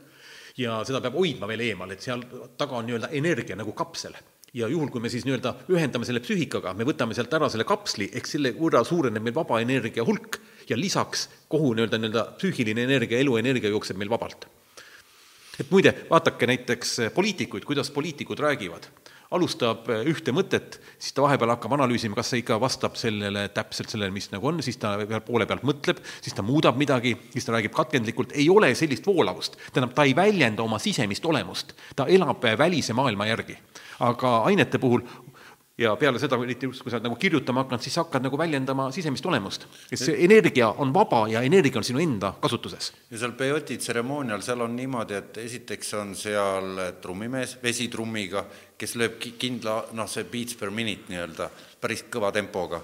siis on need kõristid, siis on see lõke, siis on see siege, mis on siis, mida pannakse siin, noh, see, mis tekitab seda äh, tossu ja, ja, ja, kõik see on väga niimoodi noh, noh, paigas ajaliselt, millal tuuakse vesi sisse ja, ja, ja millal naised tulevad ja need, kellel on päevad, need üldse ei tule ja ja seal omad reeglid ja, ja, ja kogu see asi. ja, ja, ja seal ei ole nagu niisugust, kuidas, kuidas seda siis öelda, niisugust noh, kaootilisust kogu selles asjas, et ja, ja, ja, ja kusjuures tseremooniad on niimoodi, et üks nädalavahetus näiteks oli ühe tüübi tütre sünnipäev mis oli nagu sünnipäevatseremoonia ja järgmine nädala lõpp oli ühe väga vana naisterahva siis, kes veeretati ratastooliga sisse, nii-öelda ärasaatmine või et, et, et oli, oli eeldus, et ta sureb kohe ära ja siis, et tehti tseremoonia, et siis nagu ette valmistada seda. memmel oli nägu naerul ja kõik olid rõõmsad, mingit äh, leina või niisugust noh, et, et see oli nagu huvitav minu jaoks, et et see sur-, surma su-, surma, vot see on, ma ei tea, kui tõsiselt võib võtta Castaneda raamatuid, aga seal ta räägib ka, et, et surm istub sul õla peal ja sa pead temaga sõbraks saama, et et, et, et sama asi on ka nendel seal, nende Põlis-Ameerika kirikus, et et, et noh, et et see ei ole mingi asi, mille, mida karta, mille üle halada, mille üle pead murda, et et, et aga ma arvan, et nii võibki võtta, et istubki õla peal, äkki, äkki, äkki nii-öelda Castanedal oli see kogemus ja, ja nii oligi tal. ja, ja, ja on ju, see on ju kõige kindlam asi maksude kõrval, mis elus toimub, eks ole, surm. et nendest ei ole ju kumbastki nagu pääsu ja, ja kahte surma me niikuinii ei sure ja ühest pole pääsu, nii et see hirmu tundmine on nagu mõttetu, muidugi surm on, on elu osa jaa, ja, ja ütleme ka need, ütleme just ayahuasca puhul ja teistel, ega, ega sealsed kogemused võivad olla väga lähedased ka nii-öelda sellele tundele, et sa nüüd suredki ära. Et ayahuasca puhul ma mäletan, kui ma ise seal Brasiilias esimest korda seda tegin, siis eh, meile öeldi ka otseselt, et sul on kaks tunnet. et esimene tunne on, et sa sured ära ja teine tunne on, et sa lähed lolliks. Ja, ja et sa ei saa kunagi normaalseks. Ja noh, sealt ongi siis pärit ka see nii-öelda kolmekümnenda teooria, et ained eh, simu-, stimuleerivad või simuleerivad psühhoosi, kuigi nad tegelikult hoopis vastupidi ravivad. Ja, ja inimene ei sure ära ega ei lähe ka lolliks. Aga see tunne võib seal küll olla. aga küsimus on selles, et kui sa oled suremise tunde läbi käinud ja seda räägivad ka teised, kes on nuppumissurmas olnud, siis see hirm surma ees nagu kaob ära no see on šamanismi, ütleme selle vision, kuidas eesti keeles öelda see äh, vision quest? visiooni otsing või? visioonirännak või kui, kui nad nii-öelda allilmas käivad oma hi- hing, hinge otsimas ja, ja, ja siis selle taas leiavad ja noh, see, see initsiatsioonirituaalide nii-öelda maailm, millest ma eriti palju ei tea küll, aga ma olen lugenud mõnda asja ja, ja, ja et, et, et see on ju konkreetne, ongi, see surm elataksegi nii-öelda läbi selle protsessi käigus, et saada šamaaniks mm. -hmm. et, et ja see oli, ma, ma olen aru saanud, Eestis ka muinasajal niimoodi, et igas peres oli või, või igas külas oli, oli keegi šamaan. no ei, eda Eestiga nii hästi kursis ei ole. Aga, aga, aga mis, mis on küll selge, on see, et kui ma õppisin seal ülikoolis ka, siis ma järsku sain aru, et kõikides ühiskondades on soov oma tava ratsionaalsest loogilisest mõistusest kogu aeg soov välja saada ja kogeda midagi teistsugust nii-öelda reaalsust, et see on noh, ütleme, Elüüsiuse müsteeriumid Vanas-Kreekas ja sellel ajastul ja need teised müsteeriumid ning kõik need ajuaska tarvitamised ja iboga ja, ja Aafrika taimeks. ja praeguses ühiskonnas ongi siis selleks aineks on alkohol ja tubakas see on täiesti ju teine ja, ja et ütleme, see vajadus, et seda öeldakse, et see on inimese orgaaniline vajadus kogeda muutunud teaduse seisundit. et seda pidi olema söögi, joogi ja nii-öelda seksi kõrval neljas instinktiivne vajadus. ja see ongi nii-öelda no, noh, loomulik, et inimesed eh, kõikides ühiskondades tegid mingeid rituaale ja samamoodi ka Eestis tegid neid rituaale. Ja praegusel hetkel on siis see nii-öelda tehnitsistlik maailm lubab meile ainult alkoholi, mis viib teadvust allapoole, aga mitte ülespoole. nii et ma ise olen loomulikult veendunud, et Eestis midagi, mingeid asju ja alkohol teeb lolliks, et, et peale, peale neid äh, psühhoteelikume mina küll ei ole kuulnud, et keegi oleks vägivaldseks muutunud. alkoholiga muud ei tehtagi, et kakeldakse, et, et ma mäletan, kui esimese tseremoonia hommikul küsis selle Roadmani vend mu käest, et noh, et kas sa praegu kujutaksid ette, et sa teeksid kellelegi midagi halba. ta küsis spetsiaalselt, see oli minu elu esimene tseremoonia, ma mõt-, noh, ma sain aru kohe, miks ta küsis, et noh, et tõesti see enesetunne on kõike muud kui see, et, et läheks kuskile kellelegi kallale. jaa, minu arust see on, sisuliselt Terence McKenna ütles, ma olen temaga täielikult nõus, et psühhedeelsed ained ühendavad ära sind elukanga ja elumustriga ja sa mõistad, et sa oled ühenduses teistega. Ja saad aru, et kui sa teed kellelegi midagi halba, teed sa iseendale, sul ei ole võimalik midagi teha endal. sealt tulevadki siis needsamad nii-öelda hoolivused, et sa pärast ei taha enam võib-olla sääske ka tappa ja, ja astud nii-öelda sellest rohuliblest mööda mis, milles ei ole ka mitte midagi valet, loomulikult, miks sa peaksid niisama heast peast kedagi nagu maha lööma. aga sa hakkad tajuma kõike seda nii-öelda elusana ja samasugusena nagu sina, nii et sa ühendud ennast universumiga uuesti, et meie oleme lahti ühendatud. Et siin on ju need hüpoteesid, mis räägivad, et nagu lapse, lapsel ka, et kuskil kaheksandal, üheksandal aastal see käbinääre hakkab ajus nagu kinni kasvama, sinnamaani on nad ju hoopis teistsugused. indiaanlased ütlevad, et kuuenda eluaastani on lapsed ausad, et siis nad õpivad juba, hakkavad õppima seda ja koolimineku iga kattub ka sellega. Nad õpivad juba veiderdama. Ja et sa, see on siis jälle uuesti võimalus kätte saada see lapsepõlve süütuse tunne ja nii-öelda see olemus tegelikult.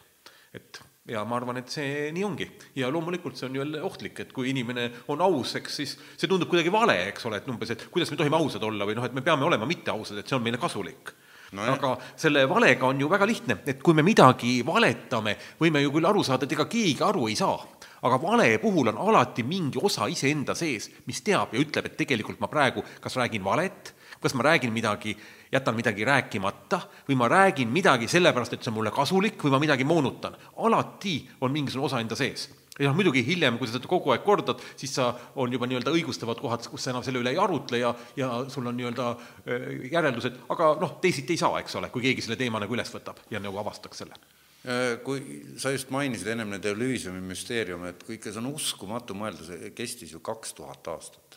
Kaks tuhat aastat, koos olid kaks tuhat inimest, viis päeva tarvitati mingisugust jooki. Sooma väidetavalt. Sooma jah, viljakuse jumalanna auks.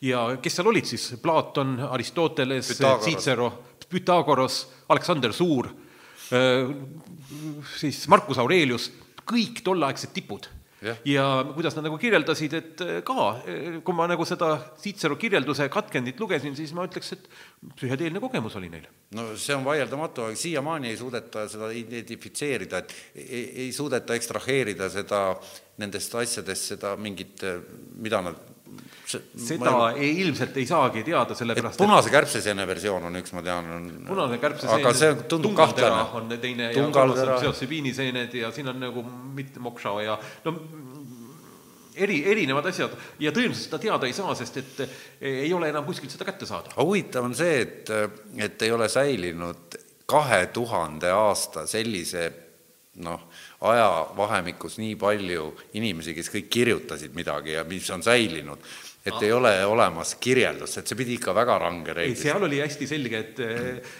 ega nende psühhedeelsete kogemustega ongi, et kui nüüd hakata oma psühhedeelset kogemust kirjeldama, sõna-sõnaliselt, siis seda on üliraske ja nagu minu hea sõber Ede Fretška ütles, et kui sa hakkad kirjeldama psühhedeelset kogemust, siis on nagu sa hakkaksid kirjeldama oma elu kõige paremat seksuaalkogemust ja sealt tuleb ju välja pornograafia. et kui sa püüad nii-öelda väikse nüansina kirjeldada, kuidas sa seal noh, ütleme ja, ja see sõnadesse panna, siis on ju pornograafia vot see Jeremy Narby selles eh, oma raamatus eh, Cosmic Serpent ehk siis eesti keeles kosmiline siug, et et, et ta üritab, et ta oli antropoloogina kolm aastat Amazonias ja siis osales nendel eh, ajahuaska tseremooniatel. ja mis oli nagu hämmastav, et kui ma võrdlesin oma kogemustega peyotiga, et siis see erinevus, et et, et, et vähemalt Narbi selle raamatu põhjal jäi mulje, et kõik näevad samu neid madusid ja, ja et, et need, need kogemused on sarnased. mis Peoti puhul nii ei ole? ei, siin Noh, on nüüd nii- nii üheselt. jaa, et mul on nüüd ayahuascaga olnud ka šamaanidega, ma olen käinud ka Brasiilia džunglis, kaks nädalat kohe nii-öelda päris džunglis, lendasime lennukiga Rio Brancosse ja ja sealt lendasime siis väikse lennukiga veel edasi Jordaosse mitu tundi ja, ja see oli siis nii-öelda Brasiilia vaesuselt kolmas linn ja sealt siis ööpäev sõitsime nii-öelda paadiga veel päris džunglisse, seal nii-öelda tarvitanud. siis mina ütleks, et on kahte moodi, et on need, kus šamaan suudab seda ruumi hoida ja tõesti nii-öelda suunab seda nii-öelda energeetikat ja asju, et seal on mingisugused nii-öelda see taustatunne või ütleme, see korrastatus on sama ja samas on ka need, kus igalühel on ikkagi oma kogemus, et kui noh, jälle, kui ma tegelen mingi personaalse alateadvusega, et kui mulle meenuvad mingisugused mälestused, asjad, ma ühendan neid oma psüühikaga, meenutan, teen neid, siis need on individuaalsed. Ja nagu üks naisterahvas ütles, et kuidas temal kõik hirmud kehast välja voolasid ja temal oli tunne, et kõik tunnevad täpselt sedasama, siis mitte keegi ei tundnud sedasama. et, et eh, ikkagi see, ma arvan, et siin on mõlemat, et see on, ühest küljest võib olla alati väga individuaalne aga samas ikkagi see nii-öelda šamaan, kui ta on professionaal, siis ta tajub seda ruumi, ta näeb seda ruumi ja ta hoiab seda ruumi koos. et alati tehakse eelnevad rituaalid, et nii-öelda seal on need ikar, ikaroseks nimetatakse neid, seda eh, muusikat, neid laule. E, E, O ja niisugused muusikad, mis on eh, nii-öelda jah, need on I- Ikaruse lauldakse algul. et, et indiaanlastel, noh, pejoti tseremooniatel nad kõige õigem eestikeelne sõna on häälutus või et seal nagu sõnu pole. Et nad lihtsalt te, te, teevad niisuguseid helisid, toovad kuuldavale. ja see on nagu huvitav, et nad, seitse erinevat eh, hõimu, noh, Mohaved, Hopid, Piima, Merikoopa, Navaho muidugi ja nii edasi, kõik istuvad ühes telgis ja kõik räägivad oma keeles ja, ja palvetavad ja laulavad ja ja, ja, ja saavad selle kogemuse ilma, noh, et, et see tasand, kus see suhtlus toimub, ei ole verbaalne, mis on, mis on väga oluline selles mõttes just, et et miks ei saa seletada, et inimesed küsivad, et no räägi, mis, mismoodi see siis on, see tunne. no ei ole ju võimalik. no ma tooks nagu võib-olla juurde, et kui võib-olla meenutada mingisugust tunnet, siis ta võib minna sellise nii-öelda ülima armastuse tunde juurde, kus sa tunned, oled olnud elus mingitel hetkedel, kus sul on järsku nagu ühendus olnud mingisuguste teist, teise inimesega, mis toimub nii-öelda täiesti teisel tasandil. aga noh, tavaliselt see nagu ei kesta pikalt ja on nagu üle läinud, et see on võib-olla kõige lähedasem kirjeldus sellele tundele. muidugi armastuse koha pealt, mul ei ole, ma tooks võib-olla siia tagant veel oma raamatu ka, näiteks minu raamatut ka rahvale. Et ma toon selle ise ära, sa, Jaa. saad mõne sõna edasi öelda ja et armastuse, armastuse tunne on küll selline, et eh, ma olen kogenud, kogenud eh, abstraktset armastust kõige vastu. Ja, ja see käis nagu hoog, mis, mis käis üle ja sellele järgnesid veel rida emotsioone nii-öelda puhtal kujul, ilma et oleks olnud objekti, mille suhtes see emotsioon oli, kurbus, eh, mitte haletsus, aga selline kaastunne, kaastunne kõige laiemas mõttes, ilma, ilma, ilma et ma oleks tulnud kellegile või millegile kaasa, vaid lihtsalt ma tundsin määratult suurt kaastunnet. Ja, ja sama juhtus ka armastusega ja, ja, ja, ja mingi asjaga tulid isegi pisarad silma ja see kõik toimus, nojah, asi läheb väga isiklikuks ära, et mis ma ikka. jaa, aga jah, see armastuse tunne, selline tunne tähendab, et piirid lahustuvad ära. ja noh, armastuse minu lemmikdefinitsioon on see, et see on soov teha midagi teise inimese jaoks, ehk teha kõik selle nimel, et teine inimene jõuaks oma potentsiaali tippu. mulle meeldib väga selline mõte. aga lihtsalt ma näitan, et kuna täna on niisugune suurepärane võimalus ka raamatuid, mulle ei meeldi see sõna reklaamida, sest ma ei ole kunagi tahtnud midagi reklaamida, reklaam on nagu kellelegi millegi pähe määrimine või müümine, ma lihtsalt räägin nendest asjadest, mis mind ennast on haaranud ja ja ma olen nii-öelda võtnud missiooniks neid Eestisse tuua.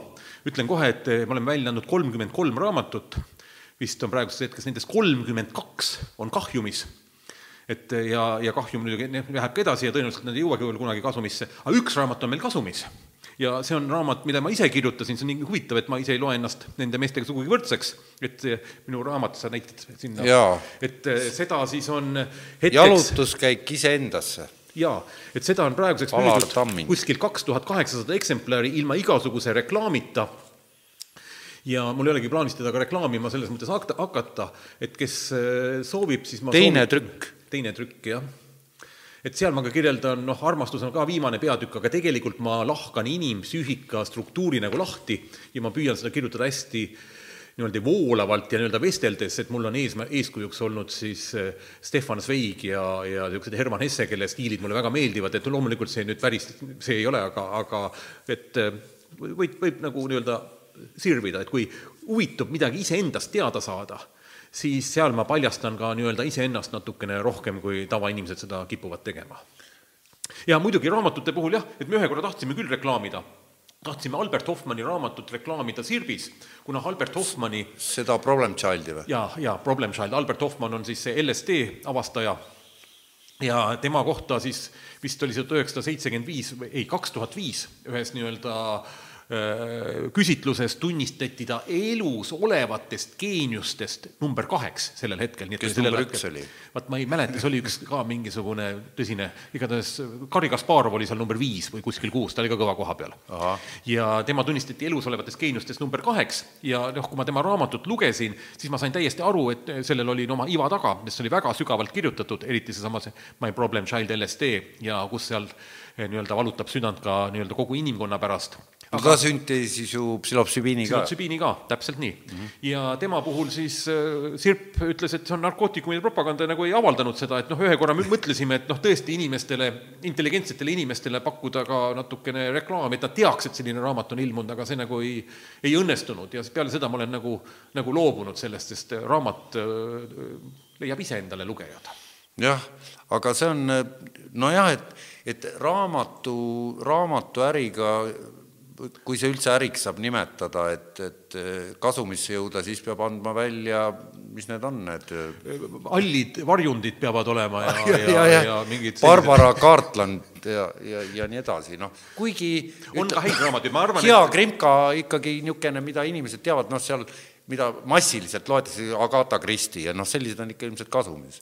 ma arvan, et see Michael Polleni raamat How to change your mind mis siis sügisel ilmub, mis räägib sellest, kuidas siis äh, autor ka äh, isiklikud kogemused kõikide ainetega esimest korda proovides, teatavasti oli ta maailmakuulus kirjanik juba eelnevalt, ta oli siis kirjutanud nii-öelda toitumisest raamatuid, mida müüdi kümnetes miljonites, nii et selle raamatu puhul oli juba täiesti kindel nii-öelda edu, nii et võib-olla siis tuleb üks kasumlik raamat veel Aldous Huxley, eks ta on jälle niisugune nagu niširaamat, aga ei kuna... tea, Huxley't juba ikka Jaos ilm on kaks korda ilmunud ja, ja, ja neid ikka ja need teised ka ülikoolis see... vist Huxley on ikka õppekavas sees. jaa, et see on siis ikkagi noh, nende Orwelliga natuke ühte patta seal läheb ja tuhat üheksasada kaheksakümmend neli ja Loomade mm -hmm. farm ja ja mm -hmm. siis on see Meie, see Samjatini raamat veel ja nii et äh, ma arvan, et seda ka võib-olla siis saab, aga aga noh, eks me loomulikult jätkame ka kahjumlike raamatute väljatoot-, müümist. aga teil on muidugi, need on päris ka ka mina ausalt öeldes pean ka tunnistama, et mulle endal, ma ei ole ostnud sellest sarjast, et ma, ma, ma olen ikka raamatukogust võtnud mm, -hmm. et, et see kolmkümmend millegiga eurot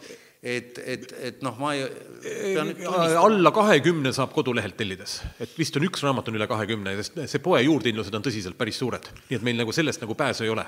et me müüme teda nii-öelda minimaalse juurdehindlusega praegusel hetkel mm. -hmm. et eh, näiteks minu raamat on viisteist eurot praegusel hetkel. Et eh, tulevikupsühholoogia ka vist on viisteist eurot. aga kas see loeb ka, et kui on kõva kaanega või, või jaa, paperback? tähendab, kuna eh, jah, loeb küll ja ühe raamatu karmadiagnostika tegime pehme kaanega, aga ikka läks suhteliselt kalliks, aga ma, kuna ma hindan seda raamatut eh, ka nii-öelda pikemaajaliselt, et see raamat on see, mida võivad lugeda ka lapsed või lapselapsed, kui noh, jälle no ütleme, inimkond ikkagi nii-öelda ellu jääb, siis see on selline sisu ja vormi ühtsus, ma nimetaksin nii et lihtsalt ma ei suutnud teha hästi odavaid ja, ja nii-öelda kiirelt loetavaid eh, paber-pappraamatuid, et ma tahtsin, et oleks ikkagi korralik, sest ta, ta on, oleks nii-öelda esteetiline välimus ka. aga inglise keeles tuli Pollani see raamat tuli välja kohe ka audioraamatuna, kas Eestis see traditsioon audioraamat, kas see on juurdunud, ma, ma pole üldse kursis. üks eh, inimene võttis kunagi ühendust minuga ja küsis, et kas ta võib neid meie raamatuid, noh, meil on nagu litsentsid olemas, et ka nii-öelda audiokujule viia. Ja me oleme talle selle noh, nõusoleku andnud, nii et minu arust üks või kaks raamatut ja tal on plaan ka minu raamat eh, on audiokujule viia, nii et eh, loodetavasti see asi nagu areneb, audiokujule raamatute liikumine. aga ma, kuidas üldse, et minu jaoks jäi, kui, ma kuulasin, kui ta ütles, et on audioraamat väljas, et et, et, et, et selline mitteilukirjanduslik teos aud-, ja kusjuures ta ise loeb sisse, et, et nüüd on ju see, et, et tahetakse, et autor ise loeb, et mitte näitleja. et teadusraamat ikkagi ja, ja, ja audioraamat, et on see siis, oled sa ise kuulanud mõne läbi ma seda ei ole kuulanud, aga see on nüüd muidu, siin on väga suur iva, kui ma oma raamatut kirjutasin, siis ma kuskilt kuulsin ja hakkasin seda ka rakendama, on see, et loe oma kirjutatud laused kõva häälega ette. siis sa saad aru, kas tekib seal mingi konstruktsioon või kas see on nii-öelda voolav, selge, arusaadav mõte. ja kui ma ise lugesin, siis ma kohe märkasin, kus mul mingisugused sõnad, asjad olid nagu valed nii-öelda eh, ma ise hakkan ka võib-olla mõtlema, et peaks enda raamatu võib-olla sisse lugema, sellepärast et see sisse lugedes ja vesteldes jõuab selle sõnumi peen nüanss teisele inimesele. lauset lugedes on ju võimalik mitut moodi mõista, et kuidas see lause on, et, et eh, armu anda, see, see armu, et eh, mitte armu anda, hukata või tähendab, et mitte armu anda, tähendab, et sa võid tajuda kahte erinevat moodi, mul ei tule praegu see lause meelde, aga kindlasti kuulajale võib see meeldib, kas sa psühholoogina toetad seda mõtet, et inimene rääkides mõtleb? et üksinda istudes välja mõelda on keerulisem kui Äh, rääkides, välja rääkides tekivad sul uued seosed, et üksinda mõeldes käid sa ühte ja sama rada ringi ratast pidi ja sul ei teki seda uut seot-, seost teiste mõtetega. Et äh, rääkides, kui sa isegi mõne probleemi välja räägid, siis äh, rääkides järsku sul hüppab kohe lahendus ka pähe. jaa, kindlasti rääkimine on lahenduseks ja loomulikult ka kirjutamine ka ma mõlemad. küsin seda sellepärast, et mulle on mitu korda öeldud, et tee oma saated lühemad, et miks sa nii pikalt jahud seal. ja, ja siis ma üritan seletada, et noh, selle formaadi mõte ongi see, et ei ole ajalist limiiti, nagu on raadiojaamades või telejaamades, et et, et, et siin saab rahulikult arutleda, niikaua kuni jututeemat jätkub, et, et ei, ei räägita korraga läbisegi ja siis ei lõpe saade ära. et, et see annab võimaluse mingeid asju lõpuni rääkida jaa, muide tulengi siia juurde tagasi, selle koha pealt on hea minna meie päris esimese mõtte juurde, see Psycherence'i konverents, mida ma tegin mm -hmm. ja ma rääkisin ka seal, et siis ma käisin mööda maailma konverentse ja põhiline, mis ma nägin, inimesele anti aega kakskümmend minutit ja siis ta See ei on jõua nagu ütelda. jaa, TED Talkil on juba ette valmistatud kahekümneks minutiks. Jaa, aga see ei ole nii, et jäävad kaks-kolm slaidi näitamata ja keegi läheb seal juba mingi paberiga, et viis minutit ja kolm minutit ja siis ta püüab veel kiirelt midagi öelda. ja siis ma mõtlesin, milline oleks ideaalne formaat. ja ma siis kutsusin Eestisse neli maailmakuulust teadlast ja igal ühel andsin võimaluse rääkida poolteist tundi eh, ja Tõnis McKennal kaks tundi, et nad saaksid kõik oma mõtted ära öelda. Ja ütlesin väga lihtsalt, pange kokku oma kõikidest parimatest loengutest nii-öelda parimad palad ja teeme sellise asja, kus kuhugi ei ole kiiret ja tegimegi siis terve päeva, päeva loengul oligi ainult neli loengut, ei ole sellist konverentsi formaati, kus on viiskümmend minutit või nelikümmend minutit ja siis käib mingisugune tormamine, kõik said nii-öelda oma mõt-, mõtted ja asjad lõpuni viia. see oli nii-öelda idee, kus seda nii-öelda Psycherence'i tegema sai hakata.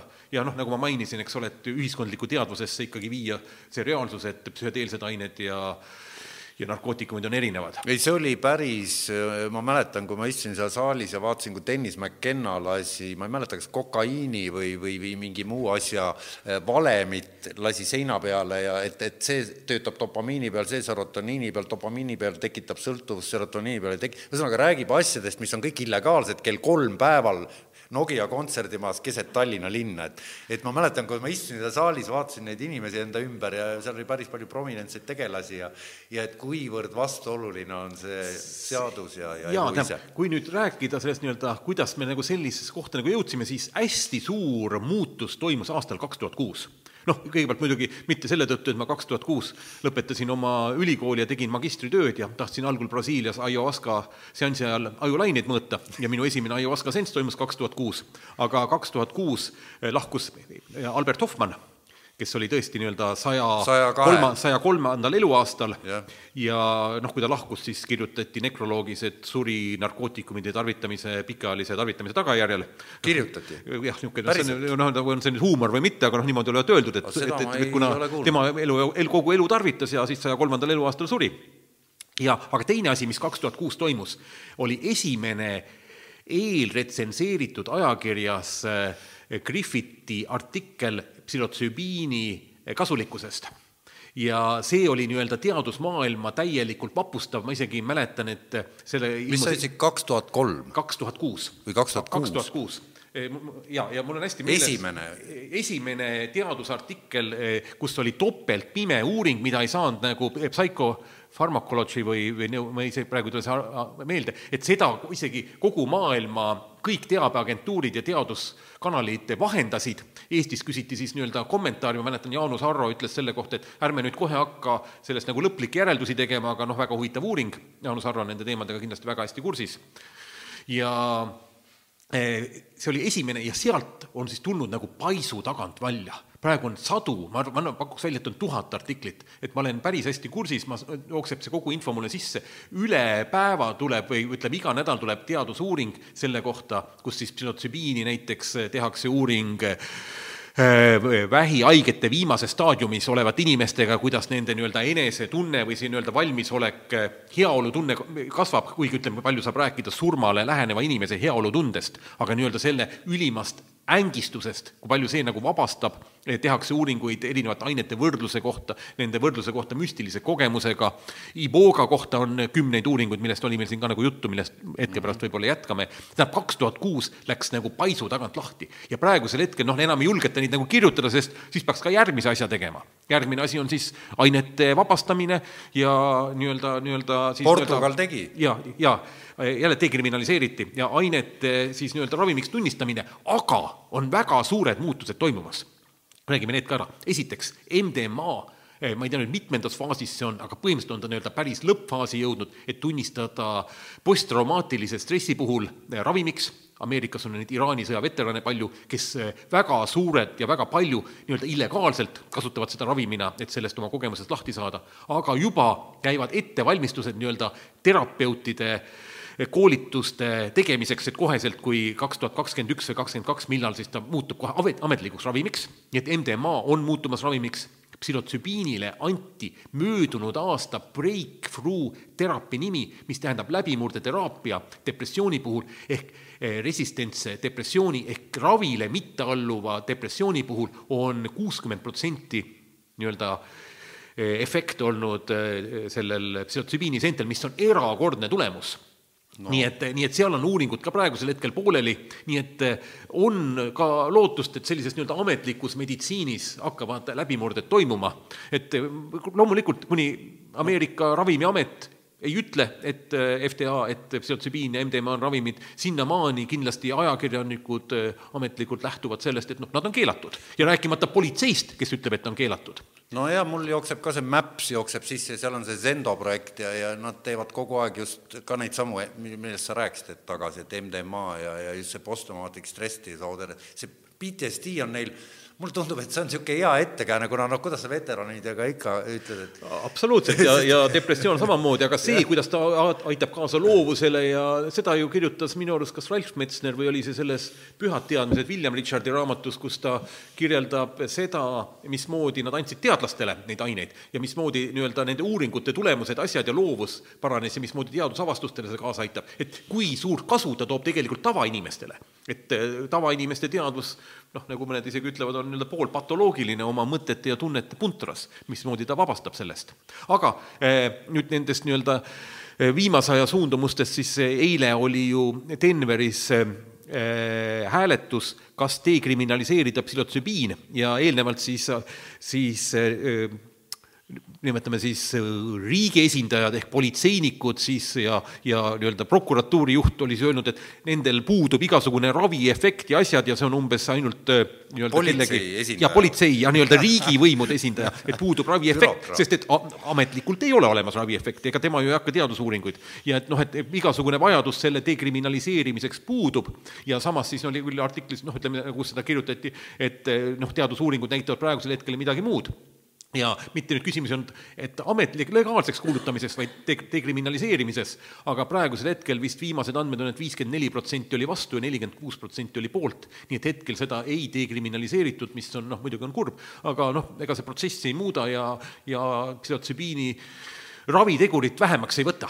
vaata, mina lugesin ühte huvitavat kohtu mingeid case'e just see seentega seoses, et seal käis vaidlus selle üle, seal oli päris huvitavad, seal olid vastupidised kohtuotsused või pretsedendid olid sellel, et mis on eh, siis eh, narkootikumi konteiner, et kas seen, mis sisaldab psülopsübiini, on, võib, kas teda võib vaadelda kui anumat, millega sa kannad kaasas narkootikumi või, või ei või.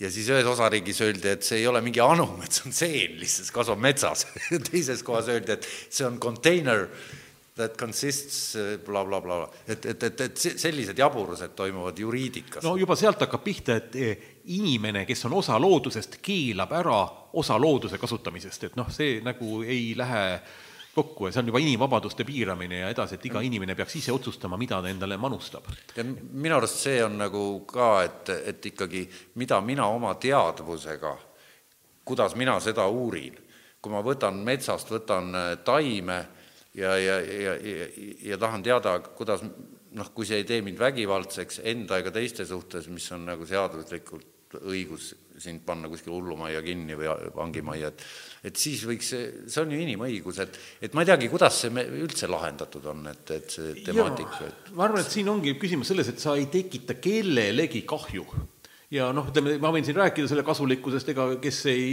usu, noh, ütleme, tõenäoliselt ei ole siiani viitsinud seda saadet ega siiamaani enam kuulata, on juba ammu selle kinni pannud, et kui sa ikka täiesti kriitiline oled ja siis ütled, et noh, seal aetakse mingit jura. aga, aga no, ei, ma ikka eeldan, et on väga palju neid inimesi, kellel ei ole kuskilt mujalt seda infot saada, nii et, et räägime ei, ma usun, et kui inimene siiani on kuulanud, siis on tal vähemalt huvi selle teema vastu. ma usun, et neid inimesi on palju, ma, ma saan ainult ühte ütelda, et tuleks edasi uurida, sest selle kohta on uuringuid, selle kohta on raamatuid, selle kohta on teada ja, ja see, mida prokurör ütleb, noh, prokurör on süüdistaja, tema teeb oma ametniku tööd. mulle meeldis väga, Nassim Taleb ütleb, et bürokraatia ülesanne on vabastada bürokraat oma otsuste ta-, eest vastutamast. nii et kui bürokraat keelab ära sul psühhotsübiini tarvitamise ja sina oled depressioonis, siis ega tema selle pärast ei vastuta, et sinul halb on. ei vastuta muidugi tema vastutab selle eest, et, et on vaja seadust täita, et tema saab oma palga selle eest. ja, ja tema mõtleb selle peale, et mind äh, saaks nagu edasi jätkata ja noh, tähendab, et see ongi, see on ühiskond paratamatult nii praegusel hetkel on ja siin ei saa ka kedagi süüdistada, ega nad on ju kõik tegelikult toredad inimesed. ei no muidugi, et, et ütleme nii, et, et see aeg on ju ajaloo, ajaloolises perspektiivis ikka äärmiselt lühike, alla saja aasta, mis see jama on käinud ja, ja, ja noh, et nüüd ta ilmselt lõpeb mingi aja, noh, paratamatult lihtsalt fakte kuhjub nii, niivõrd massiliselt ja uuringuid, et, et noh, et, et, et noh, ma ei näe küll mingit võimalust, et see jama eda-, või see sõda narkootikumidega, mis toob laipu igapäevaselt juurde ainult. Ameerika vanglad on täis keda?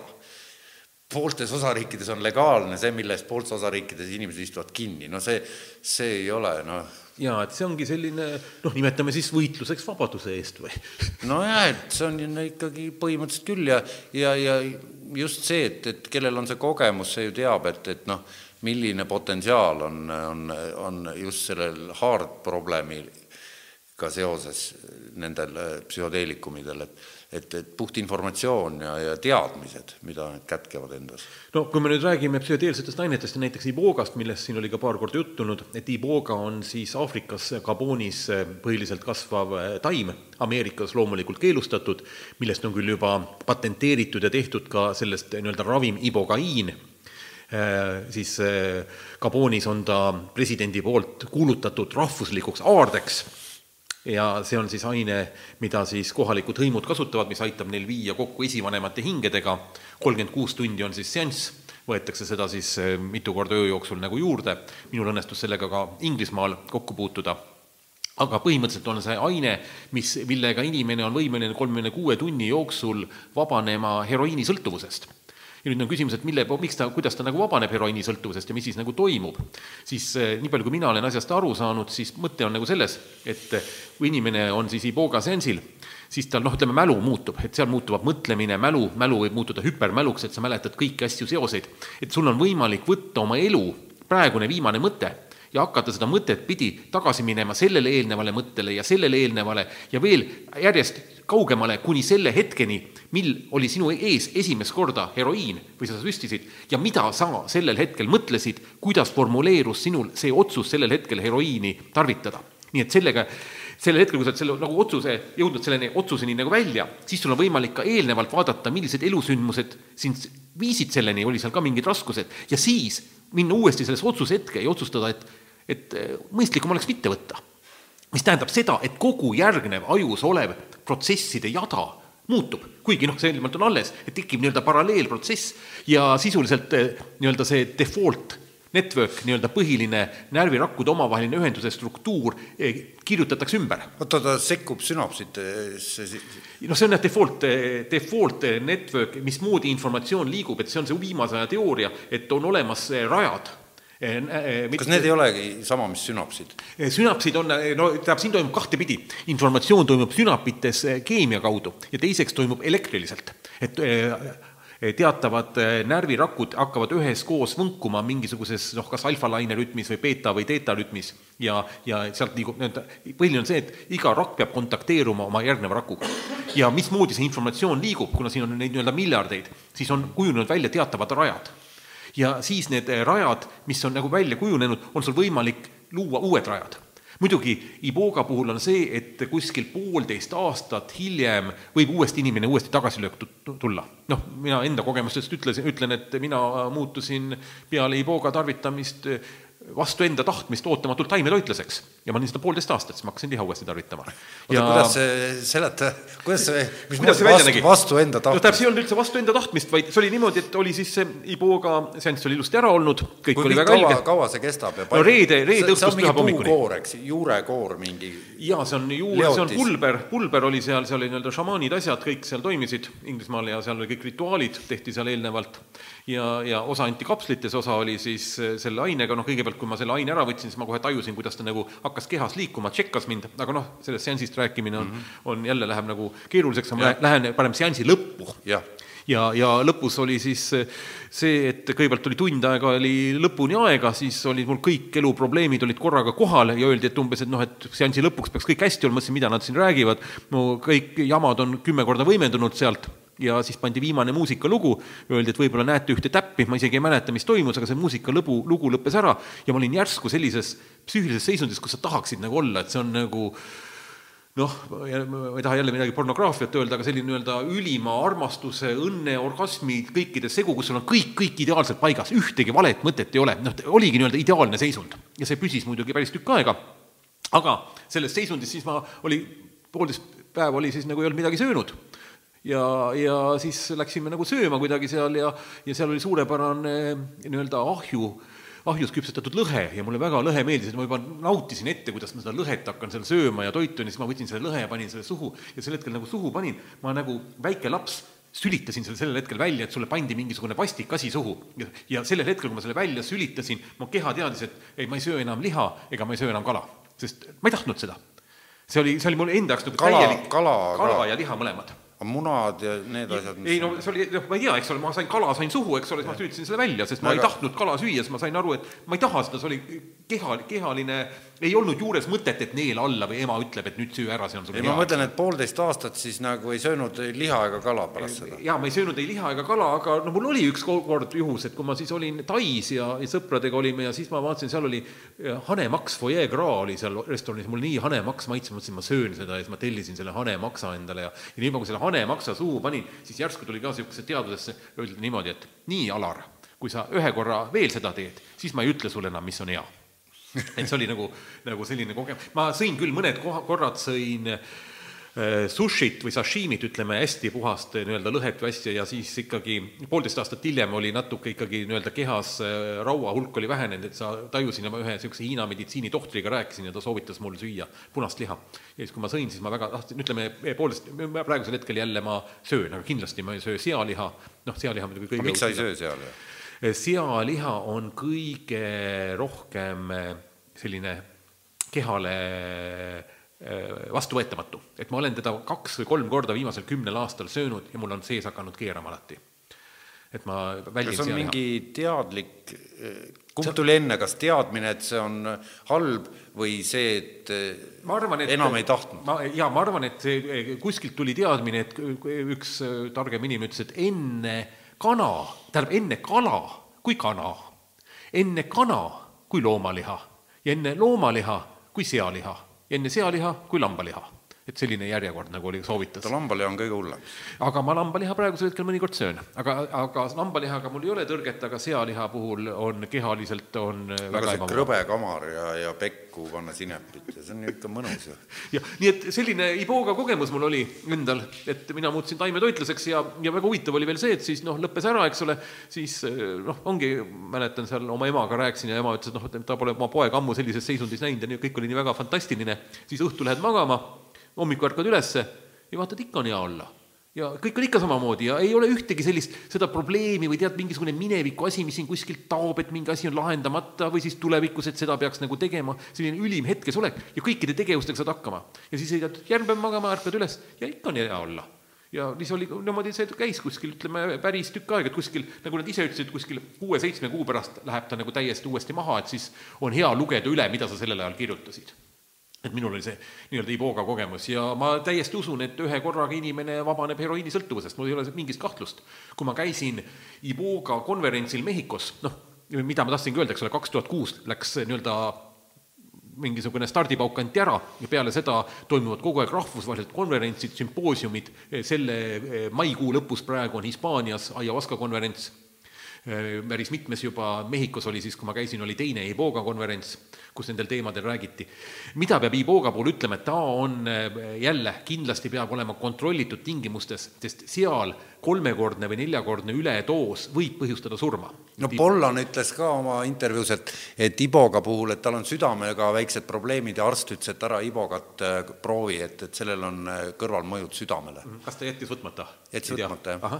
et näiteks noh, psühhotsübiini puhul üle, ülevõtmist ei, ei, ei, ei eksisteeri, noh, ei ole nii, et kui sa võtad valesid seeni sööd, muidugi võid ära surra, aga psühhotsübiin no. ei ole mürgiseen, lihtsalt sa ei mäleta mitte midagi. no peotiga on oksendamise see refleks tuleb, kui Jah.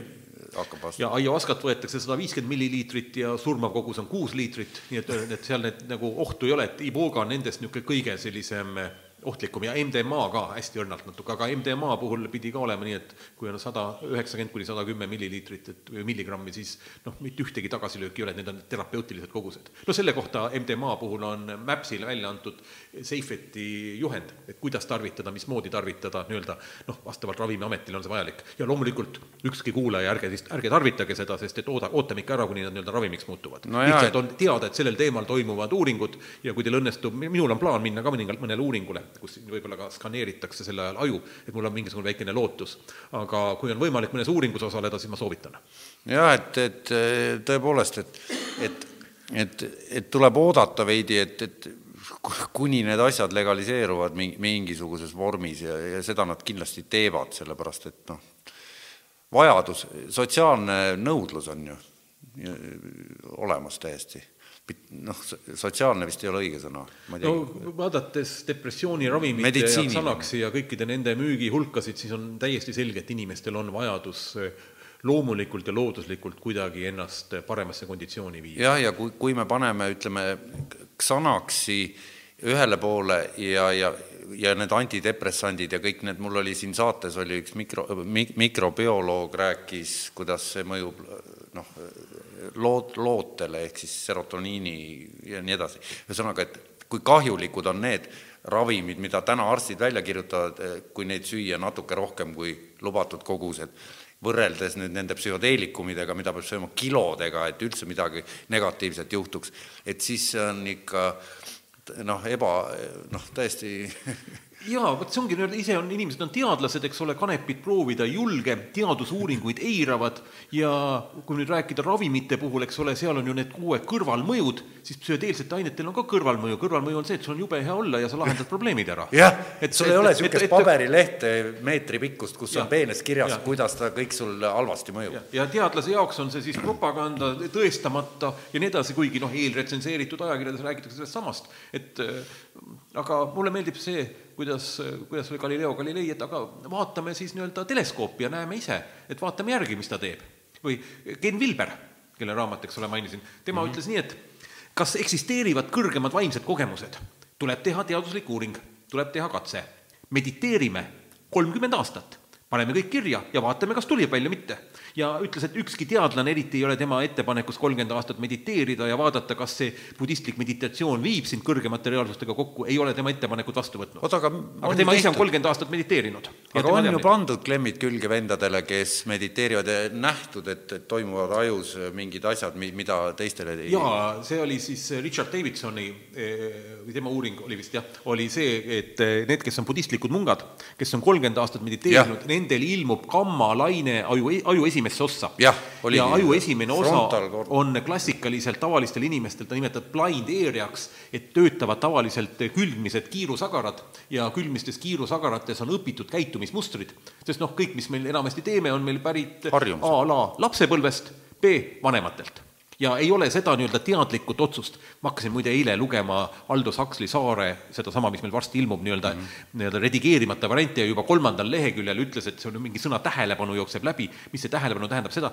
et sa oled teadlik et sa oled siin ja praegu, mida peame kogu aeg endale ütlema, et me ei ole kuskil minevikus kinni ega automaatmustris, see on põhiline asi, seda muide ka see jälle see raamat, mis meil üks on, Gurdžijevi raamat, Gurdžijev, Vene müstik. muide, väga hea raamat teie sarjas on äh, Roberto Assagnoli transpersonaalne areng. jah, on seal oli teadvuse seitse või, või noh, mul ei ole kahjuks seda, mul, ma, mul oli see siin notesides telefonis ja, ja ennem, aga enam ta seal ei ole, et, et, et ma kirjutasin välja, et, et kuidas ta defineerib teadvuse.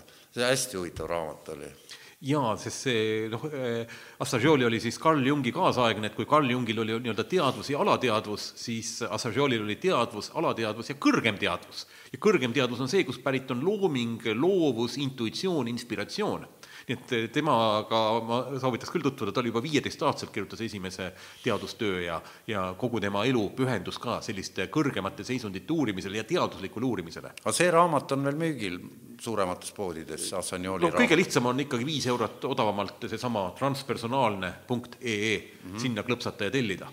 aga seesama eh, oluline oleks aktiveeruda meil oma aju esimene osa, mis siis on nendel munkadel aktiivne ja et ei oleks need nii-öelda tööl kiirusagarad ja selleks ongi kogu aeg nii-öelda teadvustada, et ma nüüd just hetkel olen praegu siin, just praegu räägin sinuga ja just arutame seda raamatuid. sest see on see koht, kus ei ole minevikku ega tulevikku, mis siis ega ka probleeme. ja ei ole ka probleeme ja, ja see on see, ma ütlen nüüd, see on see, milles nii-öelda mungad on, nemad toovad siia juurde veel selle kaastunde et nii-öelda kui siis on ja noh, siin võib veel edasi rääkida, et see gammalainet on võimalik ka endal tekitada et näiteks Bill Harris, temal on instituut centerpointe.com on tal kodulehekülg, kus siis on eh, müüvad ja toodavad grammofoni või CD-plaate, mis siis tekitavad binaural beat'i, heli, ühte kõrva lastakse asja? pikseli. binaural beat on siis selline asi, kus ühte kõrva lastakse näiteks kakssada viiskümmend hertsi, teise lastakse kakssada kümme hertsi, mingi muusikapala, mis tähendab seda, et nende kahe vahe on ne- nelikümmend hertsi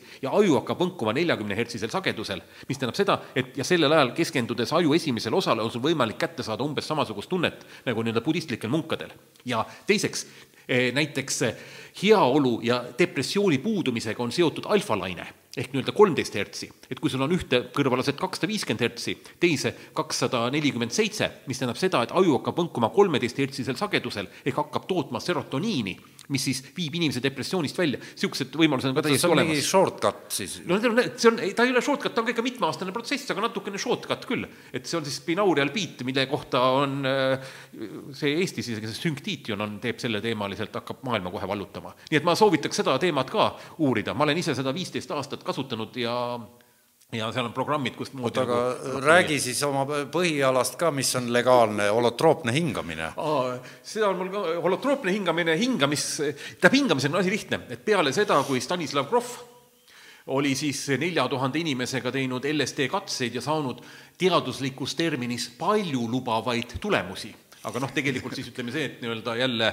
inimeste olukord paranes, loovus kasvas, inimesed, kes olid eh, nii-öelda depressioonist, tulid välja, kes hakkasid surema, läksid surmale, nii-öelda tema viimased aastad olid siis nii-öelda positiivsemad, nende heaolu, heaolu kasvas.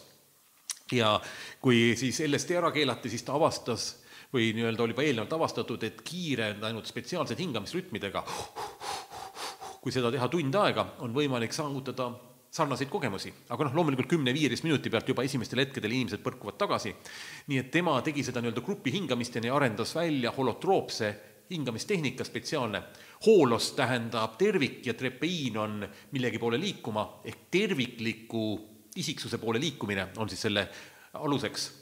ja ma olen selle hingamise kursustel käinud ja, ja seal saab ka päris huvitavaid kogemusi, nad, nad on natukene teistsugused, aga mõnikord on väga sarnased. väga huvitav, ma olen vaadanud videosid, et magamiskottides lõõtsutavad inimesed, et, et päris hirmus on vaadata. ja ei no loomulikult ja päris õudne on vaadata, kui inimene aiavaskat joob, võtab kätte ja siis oksendab kuskil ja mingi ebamugav ja miks ma peaks niisugust asja tegema. kas ajahuaska tseremoonial on ka näiteks peoti tseremoonial on nii, et tulemees, kes ukse kõrval on, kes tu-, noh, paneb neid puid lõkkesse, tema rehitseb okset ka, et lõkke ja inimeste vahel on niisugune rehitsetud riba. ei, seal nüüd päris tema ei rehitse, ikkagi igalühel on oma selline nii-öelda ämber, kui ta nagu tahab, aga sellele ma nagu üldse ei, ei keskenduks, sest see on niisugune kõrvaline, kõrvaline produ-, produkt, et see on umbes noh, ma ei tea, nagu söömas oled, siis pärast lihtsalt salvretkaga tõmbad suu üle või tähendab, et tegelikult keskendume ikka, kui me restorani lähme, siis toidu maitsele ja keskendume sellele nii-öelda ayahuasca puhul saadavale kogemusele.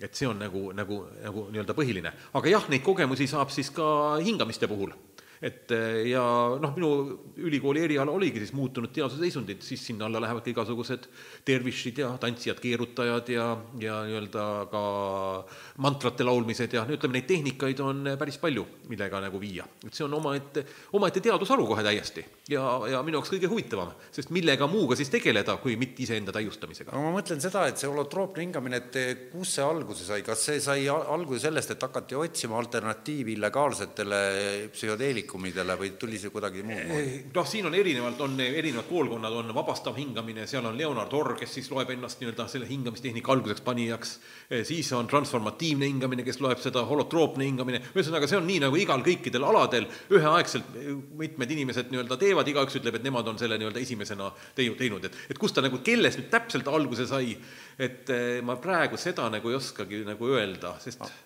aga mida sa arvad holistilisest teadusest, näiteks see on Inglismaal Schumacher College, kus on, käivad esimesed Lovelock ja, ja sellised tegelased, noh, Gaia teooria siis autor ja, ja, ja peavad loenguid, et, et et ongi holistic science, kus õpetatakse siis, et maakera on, noh, pisut ongi et... see on see Kaia teooria, et maakera on elusolend, hingab sisse-välja tegelikult aastaaegadega. ja praegu on tal väike palavik, ehk siis kliima soojenemine ja nii edasi. no vot, nüüd ongi selle palavikuga on see, et kui tugevaks see palavik läheb, et kui ikkagi see kasvuhoonegaas ületab mingi piiri, noh, me oleme, tarvitseb ainult natukene, ma ei tea, paarkümmend miljonit kilomeetrit eemale vaadata planeet Veenuse suunas, kus siis on kolmsada kraadi ja happevihmad, et noh, kas ta nüüd sinna läheb või mitte, et noh, loodame, et ikkagi see isetervendamise mehhanism eh, ikkagi toimib ära, ma loodan seda. et, et, et sa ei arva, et inimene on võimeline selle asja perse keerama? ei, inimene on võimeline kindlasti perse keerama, tähendab, ma ei tahaks seda sõna kasutada, ma ütleks, et inimene on võimeline eh, enda ja teise elusloodusega tekitama korvamatut kahju, mida enam tagasi pöörata ei saa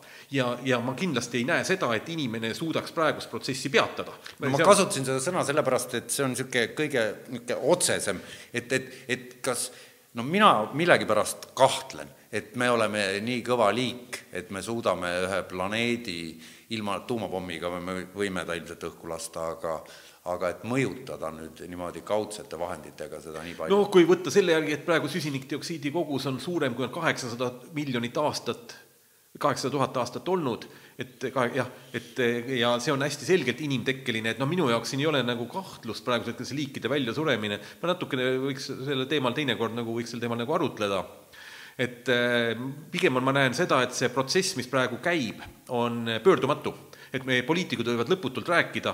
Ja sisuliselt on, on ju ka see, et, et noh, kliima soojenemise puhul öeldakse, et noh, et me peame lõpetama ära tööstusrevu-, tööstusliku tootmise, et noh, et umbes vähendada, mis on tegelikult omamoodi võimatu, sellepärast et eh, tööstuse tõttu on äh, ma nüüd ei täpselt meelde, aga põhimõtteliselt on meie atmosfääris praegusel hetkel eh, nii-öelda tööstusainete jäägid, mis tekitavad omamoodi nii-öelda vihmavarjukilbi mille tõttu, kui see nagu ära lõpetada, tööstuslik tootmine, siis koheselt hakkab kliima soojenemine veelgi kiirenema. nii et me oleme igatepidi oleme kahvlis. nii et ega siin midagi ei ole, ooda, ootame, vaatame ära, kuhu see protsess areneb, eks see maa ennast siin kuhugi nii-öelda liigutab ära ja siis, kui jääme ellu, siis tuleb uuesti järgnevat tsivilisatsiooni ehitama hakata. ega tsivilisatsioonid on ju eelnevalt hävinud. Egiptuse tsivilisatsioon, eh, India tsivilisatsioon, kõik need eh, maiade tsivilisatsioonid, need kõik on ju eelnevalt hävinud, et tsivilisatsioonil on ju oma järgud tsivilisatsioon tekib, kasvab, jõuab oma tippu ja sureb ja see, et meie tsivilisatsioon on praegusel hetkel languskäigul, seda ütles juba kahekümnendatel aastatel pandi see, oli möödunud aastal. mis sa panspermia teooriast arvad? panspermia on kõige tõenäolisem teooria, et kogu universum, see pigem on see panpsühhism, et või panpsühhism on te-, jah ja,, ma just ma arvan sellest hästi positiivselt, et seda, kui sa oled kvantfüüsik, siis sa oled eriti selle, selle mina ei ole.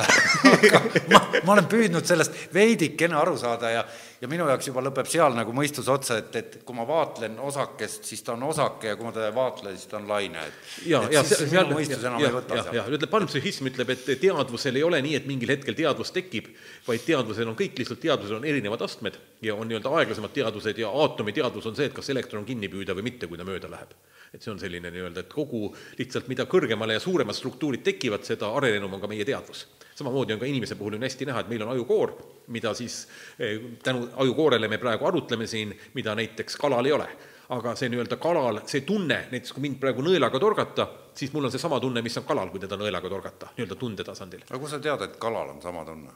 Ma näen ju selle nii-öelda väliselt, kohe on näha, kui ta hakkab seal liikuma, siin ei ole nagu mingit küsimust ja loomade puhul ka ja lisaks ütleme, eh, on ju näha, kui mind torgata nõelaga, siis minul aktiveerub limbiline süsteem mis on siis ajukoore all, mida on väga selgelt mõõdetav. ja kui sa näiteks karu torkad nõelaga, siis ka temal aktiveeruvad samad asjad. ja kui minul selle torkamisega on valutunne, siis öelda, et temal on instinkt, on võib-olla ainult enesekaitsemehhanism, et minna karu tapma. ja no. mitte, mitte tunda ennast temaga nagu ühtsusena, ühtsena ja näha teda ka kui eluslooduse osana nojah, vot et siin on, et loom, looma nägemine on see, et ta näeb liikumist, aga ta ei näe objekti, et kui seisad paigal, ta ei näe sind. ja temal puudub ka veel lisaks see, mida ta näeb, selle sõnastamine nii-öelda verbaalsetesse vahenditesse panemine. no ta ei teadvusta iseennast, tal puudub teadvus selles mõttes nagu nagu meil on ja, ja, ja, ja, ja ütleme, tähendab selle koha pealt ma täiesti usun, et olemas midagi järjest suuremad struktuurid, seda kõrgemaks läheb teadvus, aga noh, ütleme spekulatsioonid isegi Rupert Sheldrake ütles, et ta on nagu hakanud spekuleerima sellel teemal, ma ei ütle nüüd, see tõde on. siis no ütleme, meil on oma keha, siis tema ütleb, et kui me läheme näiteks päikesesüsteemi juurde, siis kui võtta, et, et kogu universum ehk panpsühhism, et kogu universum on elus, öelda, et päike on ka elus, siis päikesesüsteemi kehad on planeedid ja ütleme, sealne teadvus on, noh, meie jaoks on ta täiesti võimatu. aga hästi huvitav on sellel teemal spekuleerida, et noh, see on sama nagu ütleme, meie kehas olev väike rakk, siis spekuleerib selle üle, et aga äkki eksisteerib suurem teadvus ja, ja ma olen osa mingisugusest suuremast teadvusest ja, ja, ja, ja see paneb veel kõik kokku ja äkki see veel suudab liikuda. et me ei tea, mis on päikeseteadvus. et kui me nüüd spekuleerime, mulle väga meeldib niisugune üle piiri nagu minna. ja ei, mulle ka väga meeldib üle piiri minna, et, et, et, et just see näiteks Trapino tõlkis ära Elizabeth Sartori see Maatants, Earth Dance ka selle Kaia teooria mm, -hmm. tema on ka üks Schumacher kolledžis, käib loenguid andmas, üks Kreeka, Kreeka päritolu ameeriklane või inglane, mis ma ei teagi praegu peast. et aga Maatants, et, et seal ta võtab ka kokku kogu selle noh, kivideni välja, et, et kõik on hingestatud.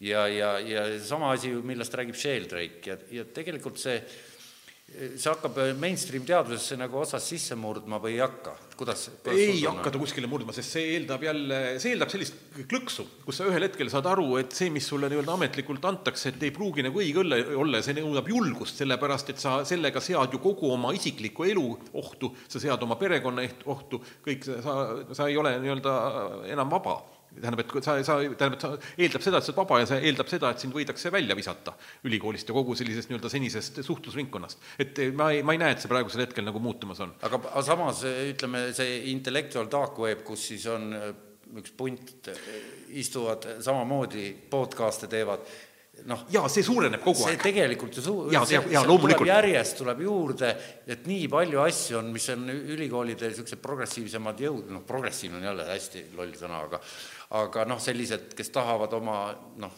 teadmisi sealt ja ma ise sõnastaks veel nii, et ma nimetaks nagu vaimsus, et kas vaimsus on maailmas kasvamas või mitte. Ja ma ise viimase kahekümne aasta jooksul kindlalt tunnen, et kui sa kuskil seltskonnas räägid, on see ükskõik, kus vähemalt kahekümnest inimesest üks või kaks noh, kas teeb joogat või, või on käinud, ma ei tea, Silva meetodi kursusel või noh, ma ei räägi psühhedeelse tarvitamine, see on juba järgmine koht kuskil, aga et tal on juba mingisugune mõistmine või huvi, et ainult materiaalne maailm, rohkem raha teenida, siin elada ja toimida, et see ei anna tegelikult inimesele rahuldust. Et ma näen seda muutust küll, aga teadusmaailmas need asjad võtavad, ma arvan, väga, väga päris kaua aega, et need Sheldrake'i ideed ei ole veel kuskile nagu jõudmas aga samal ajal mulle meeldis see, ma ei mäleta, kes see tegi selle eksperimendi selle rottidega, oli ta nii, perekonnanimi äkki Alexander millalgi, et ta tegi nagu rotipargi. et, et kui rott on lihtsalt ühes ruumis, kus tal on äh, narkootiline vesi ja no see oli vist metamfetamiiniga segatud äkki või, ja, ja puhas vesi, ei, kokaiiniga oli. Ja siis ta paneb äh, seda kokaiinivett nii kaua, kuni sureb ära. ja, ja, ja kui see ehitati talle niisugune lõbustuspark, kus ta sai sotsiaalselt teiste hiirte või rottidega seal suhelda ja, ja mingite ratastega sõita ja niimoodi ja naamoodi, siis keegi ei puutunudki seda narkootilist, et et, et mis ütleb, et see on ikkagi mingi sotsiaalne probleem. ja ma näen, et ikkagi noh, minu, ma ütlen otse, minu sõbrad jagavad minu maailmavaadet ja mul ei ole seda üksilduse tunnet ja ka inimene, kes on selles teises maailmas kinni, et ta nagu ei saa kätte seda ja see on, ma arvan, alkoholismi üks, üks, üks jaa, absoluutselt, aga noh, kus sa lähed, et noh, mine, mine kas või lauluringi kuskile, eks ole, mingid mantratesse ja hakka nagu käima, sest neid inimesi, inimesi on, kes nendel teemadel huvi pakuvad ja kes tahavad nendel teemadel rääkida, ma näen seda üksinda olemist hästi palju. Aga, ja samas on, ma näen neid inimesi, kellele need teemad huvi pakuvad ja kes tahaks nagu omavahel suhelda, neid on ka väga palju. ja, ja, ja see on, aga see on individuaalne seda teed ei saa koolis õpetada, selleni jõuab inimene ise mingil hetkel. mida üldse saab koolis õpetada, selles, ütleme, Mindbody selles noh, kui midagi saaks, siis loomulikult või on needsamad mindfulnessi tehnikad, mida hakkavad kooli minema, nii-öelda meditatsioon ja ma väga toetan seda nii-öelda mindfulnessi. aga kus... kuida-, kuidas see võiks välja näha nagu kehalise kasvatuse tund või? ei, see on eraldi niisugune kahekümneminutiline vabatahtlik nii-öelda meditatsioonitund, kus sa lähed ja istudki omaette, sest sa saad korraks sellest välja, sellest melust, mis on. aga kas sa kujutad reaalselt ette, et, et lapsed lülitavad välja oma mobiiltelefonid ja kakskümmend minutit seda tehakse juba. ei ole Facebookis? jaa, seda tehakse juba. muide, ma olen tähele pannud, ega lapsed saavad samamoodi aru juba vist, et nad on liiga palju Facebookis. mina näen küll, et kuidas Facebook mind mingil hetkel alla neelab ja olengi ja vaatad ja oledki tund aega midagi seal kruttinud, üles-alla vaadanud, uudiseid, mitte midagi neist ei mäleta. kuule, Zuckerbergi firmast tulid ju ära inimesed, andsid tunnistusi, et neil oli sisuliselt ülesanne muuta sõltlasteks kogu ja. nende klientuur. et see oligi te, te, kogu selle firma nagu noh, peaeesmärk. no see on iga firma eesmärk on kõik panna oma tema teenuseid tarvitama, et see on selline lühinägelik aga see oli puhtalt dopamiini peal sõitmise Jah. tehnoloogia väljatöötamine, noh, oligi eesmärk, et Jaa, see on hästi sõnastati äragi. no jah, päris, päris hull, kui nii võtta. aga mis teha, kuidas mina saaksin näiteks oma kanalit ilma Facebooki lehte omamata, noh, ainult eh, teadlikkus, mina ikkagi iga kord, kui ma Facebooki teen lahti, ma alati küsin, et mida ma nüüd sealt vaatan ei saa küll. ei, ma nüüd ma näiteks vaatan, ütleme, et ma vaatan kümme esimest uudist ära, et lihtsalt kui sealt midagi on olulist, vaatan edasi ja kui seal nendes on veel midagi tähtsat, vaatan veel. et ma panen eelnevalt paika, kaua ma vaatan, sest tal on eh, võime nagu inimest alla haarata küll, jah. no ütleme, et meil on praegu Facebook, Twitter ja Youtube. Ja siis on tükk maad tühja maad, ikka väga pikk tükk, tükk tühja maad, kui tulevad ülejäänud. et kui sa seal ei ole, siis sind ei ole. no jah, mina muidugi eelistan nii-öelda Facebook õhtul asendada raamatuga no seda küll, aga kui näiteks eh, me siin räägime juttu selleks, et inimesed saaksid teada, et me siin räägime juttu ja seda Youtube'ist vaataks või Spotify'st või Apple podcast kuulaks, selleks on vaja Facebookis boost ida seda event'i. absoluutselt. ja kõigepealt teha see event. Eh, loomulikult eh, kindlasti on, mina ütlen, Facebookist on minu elule pigem olnud kasu praegusel hetkel. Lihtsalt ma vaatan, et see nii-öelda tasakaalupunkt tuleb hetkel leida ja ma ei arva, et Facebooki peaks kinni panema või noh, muidugi loomulikult võiks mingi alternatiiv Facebook asemele tulla, sest Facebook juba siin sulges siin Alex Jones'i või ma ei tea, keda ta siin Alex Jones on igalt poolt ära jah, pänitatud. et nüüd pandi juba järgmised kinni, et niisugune, et võiks mingi alternatiivne, aga jah, olla, olla teadlik, et mitte üle piiri minna jah, aga et, et siin ongi, et sellest on arutletud, et, et lihtsalt alternatiivkanalid on nii marginaalsed, et sinna minna ei ole mõtet, sest seal ei ole kedagi. jah, et, ja et ma arvan, et ikkagi jätkame samamoodi ja, ja kui nüüd keegi seda kuulab, ma siis arvan, et ta leidiski selle Facebookis selle meie saate No- mul on millegipärast ei tunne. ilmselt küll Jah. ja, ja niimoodi ta käib. aga mis seal ikka siis, et äh, ma arvan, et ega see meil viimaseks jutuajamiseks kindlasti ei ja et tuleme algusesse tagasi, me jõudsime, eks ole, rääkida ära Louis Luna, aga sama hea on meil siis järgnev Dennis McKenna, kes on legendaarne. Terence McKenna vend, et, et kindlasti soovitan need videod hakata, videod ära vaadata. ja siis on seal Susan Blackmore, kõige puhtam ateist, kes eelnevalt oli parapsühholoog, kellest võime ka kunagi tulevikus ei sa rääkida. räägi, see, see oli tegelikult, mis ta seal konverentsil rääkis, minu arust oli see väga vinge no põhi- põhimõtteliselt oli, põhimõtteliselt oli asi lihtne, tema oli kaheksateistaastane tütarlaps ja ta vist natuke äkki oli ka kanepit õrnalt teinud, kui tal oli kahetunnine kehaväline kogemus ta oli Oxfordi ülikoolis. Oxfordi ülikoolis kahe, kaks tundi rändas ringi, kus ta nagu rääkis, keegi oli ta kõrval, kaks tundi oli ta nii-öelda ühendatud mingisuguste, olid need kuldsed nöörid ka või mitte, ma ei tea, aga igal juhul kaks tundi oli selline kogemus, mida ei ole võimalik ühtegi materiaalsesse paradigmasse panna. ja siis ta hakkas seda uurima nii-öelda ühesõnaga, otsustas tõestada ära teadlasena nagu üliõpilasena, eks ole, et eksisteerivad sellised nii-öelda meeltevälised kogemused ja läks nii-öelda parapsühholoogide eh, ringkonda ja hakkas seal siis tegema uuringuid. küll ta pani oma külmkapi peale numbreid ja sõnu ja et keegi tuleb siis nii-öelda öösel oma sellises ähm, mis kehad need seal on, eks ole, need, need äh, astraalkehas tuleb seda vaatama ja, ja ühesõnaga need asjad nagu ei toiminud ja siis ta avastas, et seal oli ka võltsimisi neid nii-öelda parapsühholoogidel. ja nagu ta ütles, et ühel, ükskord ühes hetkes, kui ta nagu vannis oli, mõtles, et aga äkki see kõik ongi jama et ei olegi mitte mingisugust, et see ongi minu enda aju ettekujutus ühesõnaga sellel hetkel toimus nii-öelda klõks teisele poole, kus ta siis astus nii-öelda teaduse poole ja ütles, et see kõik on nii-öelda aju poolt ette kujutatud. lisaks ta tegeles muidugi ka budistliku meditatsiooniga. nii et eh, siis ta ongi nüüd nagu selle poole esindaja, nagu ta ise ütles, et, et ega need kõik, mul on ka ayahuasca kogemused, et ega ma nüüd väga teist korda oma elus jälle seda kannapööret teha ei taha, nii et ta ikkagi on praegu oma selles pooles kinni, aga ta on selline inimene, nagu kuidas ta ütleski, kui me olime Brasiilias ka seminaril, et me kõik kogeme ühte asja, ühesuguseid suhteliselt, aga me interpreteerime täiesti teistsuguses võtmes. aga talle nii meeldis, ütles, et see meie need loengud, asjad on nendest mõttetutest tavalistest konverentsidest, kus kõik räägivad ette määratud asju ja teadaolevaid asju, täiesti teistsugune ja väga huvitav. nii et ta on, selle koha pealt on ta väga avatud, on ta nii-öelda kanepiga tal väga hea kontakt, ayahuascaga kontakt, ta on LSD-d kas sa teinud. tema vestlust Jordan Petersoniga oled näinud, et kus läheb jutt eh, transcendentsuse või noh, jumala peale piltlikult öeldes ja siis ja siis Blackmore ütleb, et ta on agnostik ja siis Peterson ütleb, et aga sul on ju väärtuste püramiid või väärtuste hierarhia ja siis Blackmore ütleb, et vist on küll. no vot, ütleb Peterson, see seal kõige üleval, see ongi sinu jumal.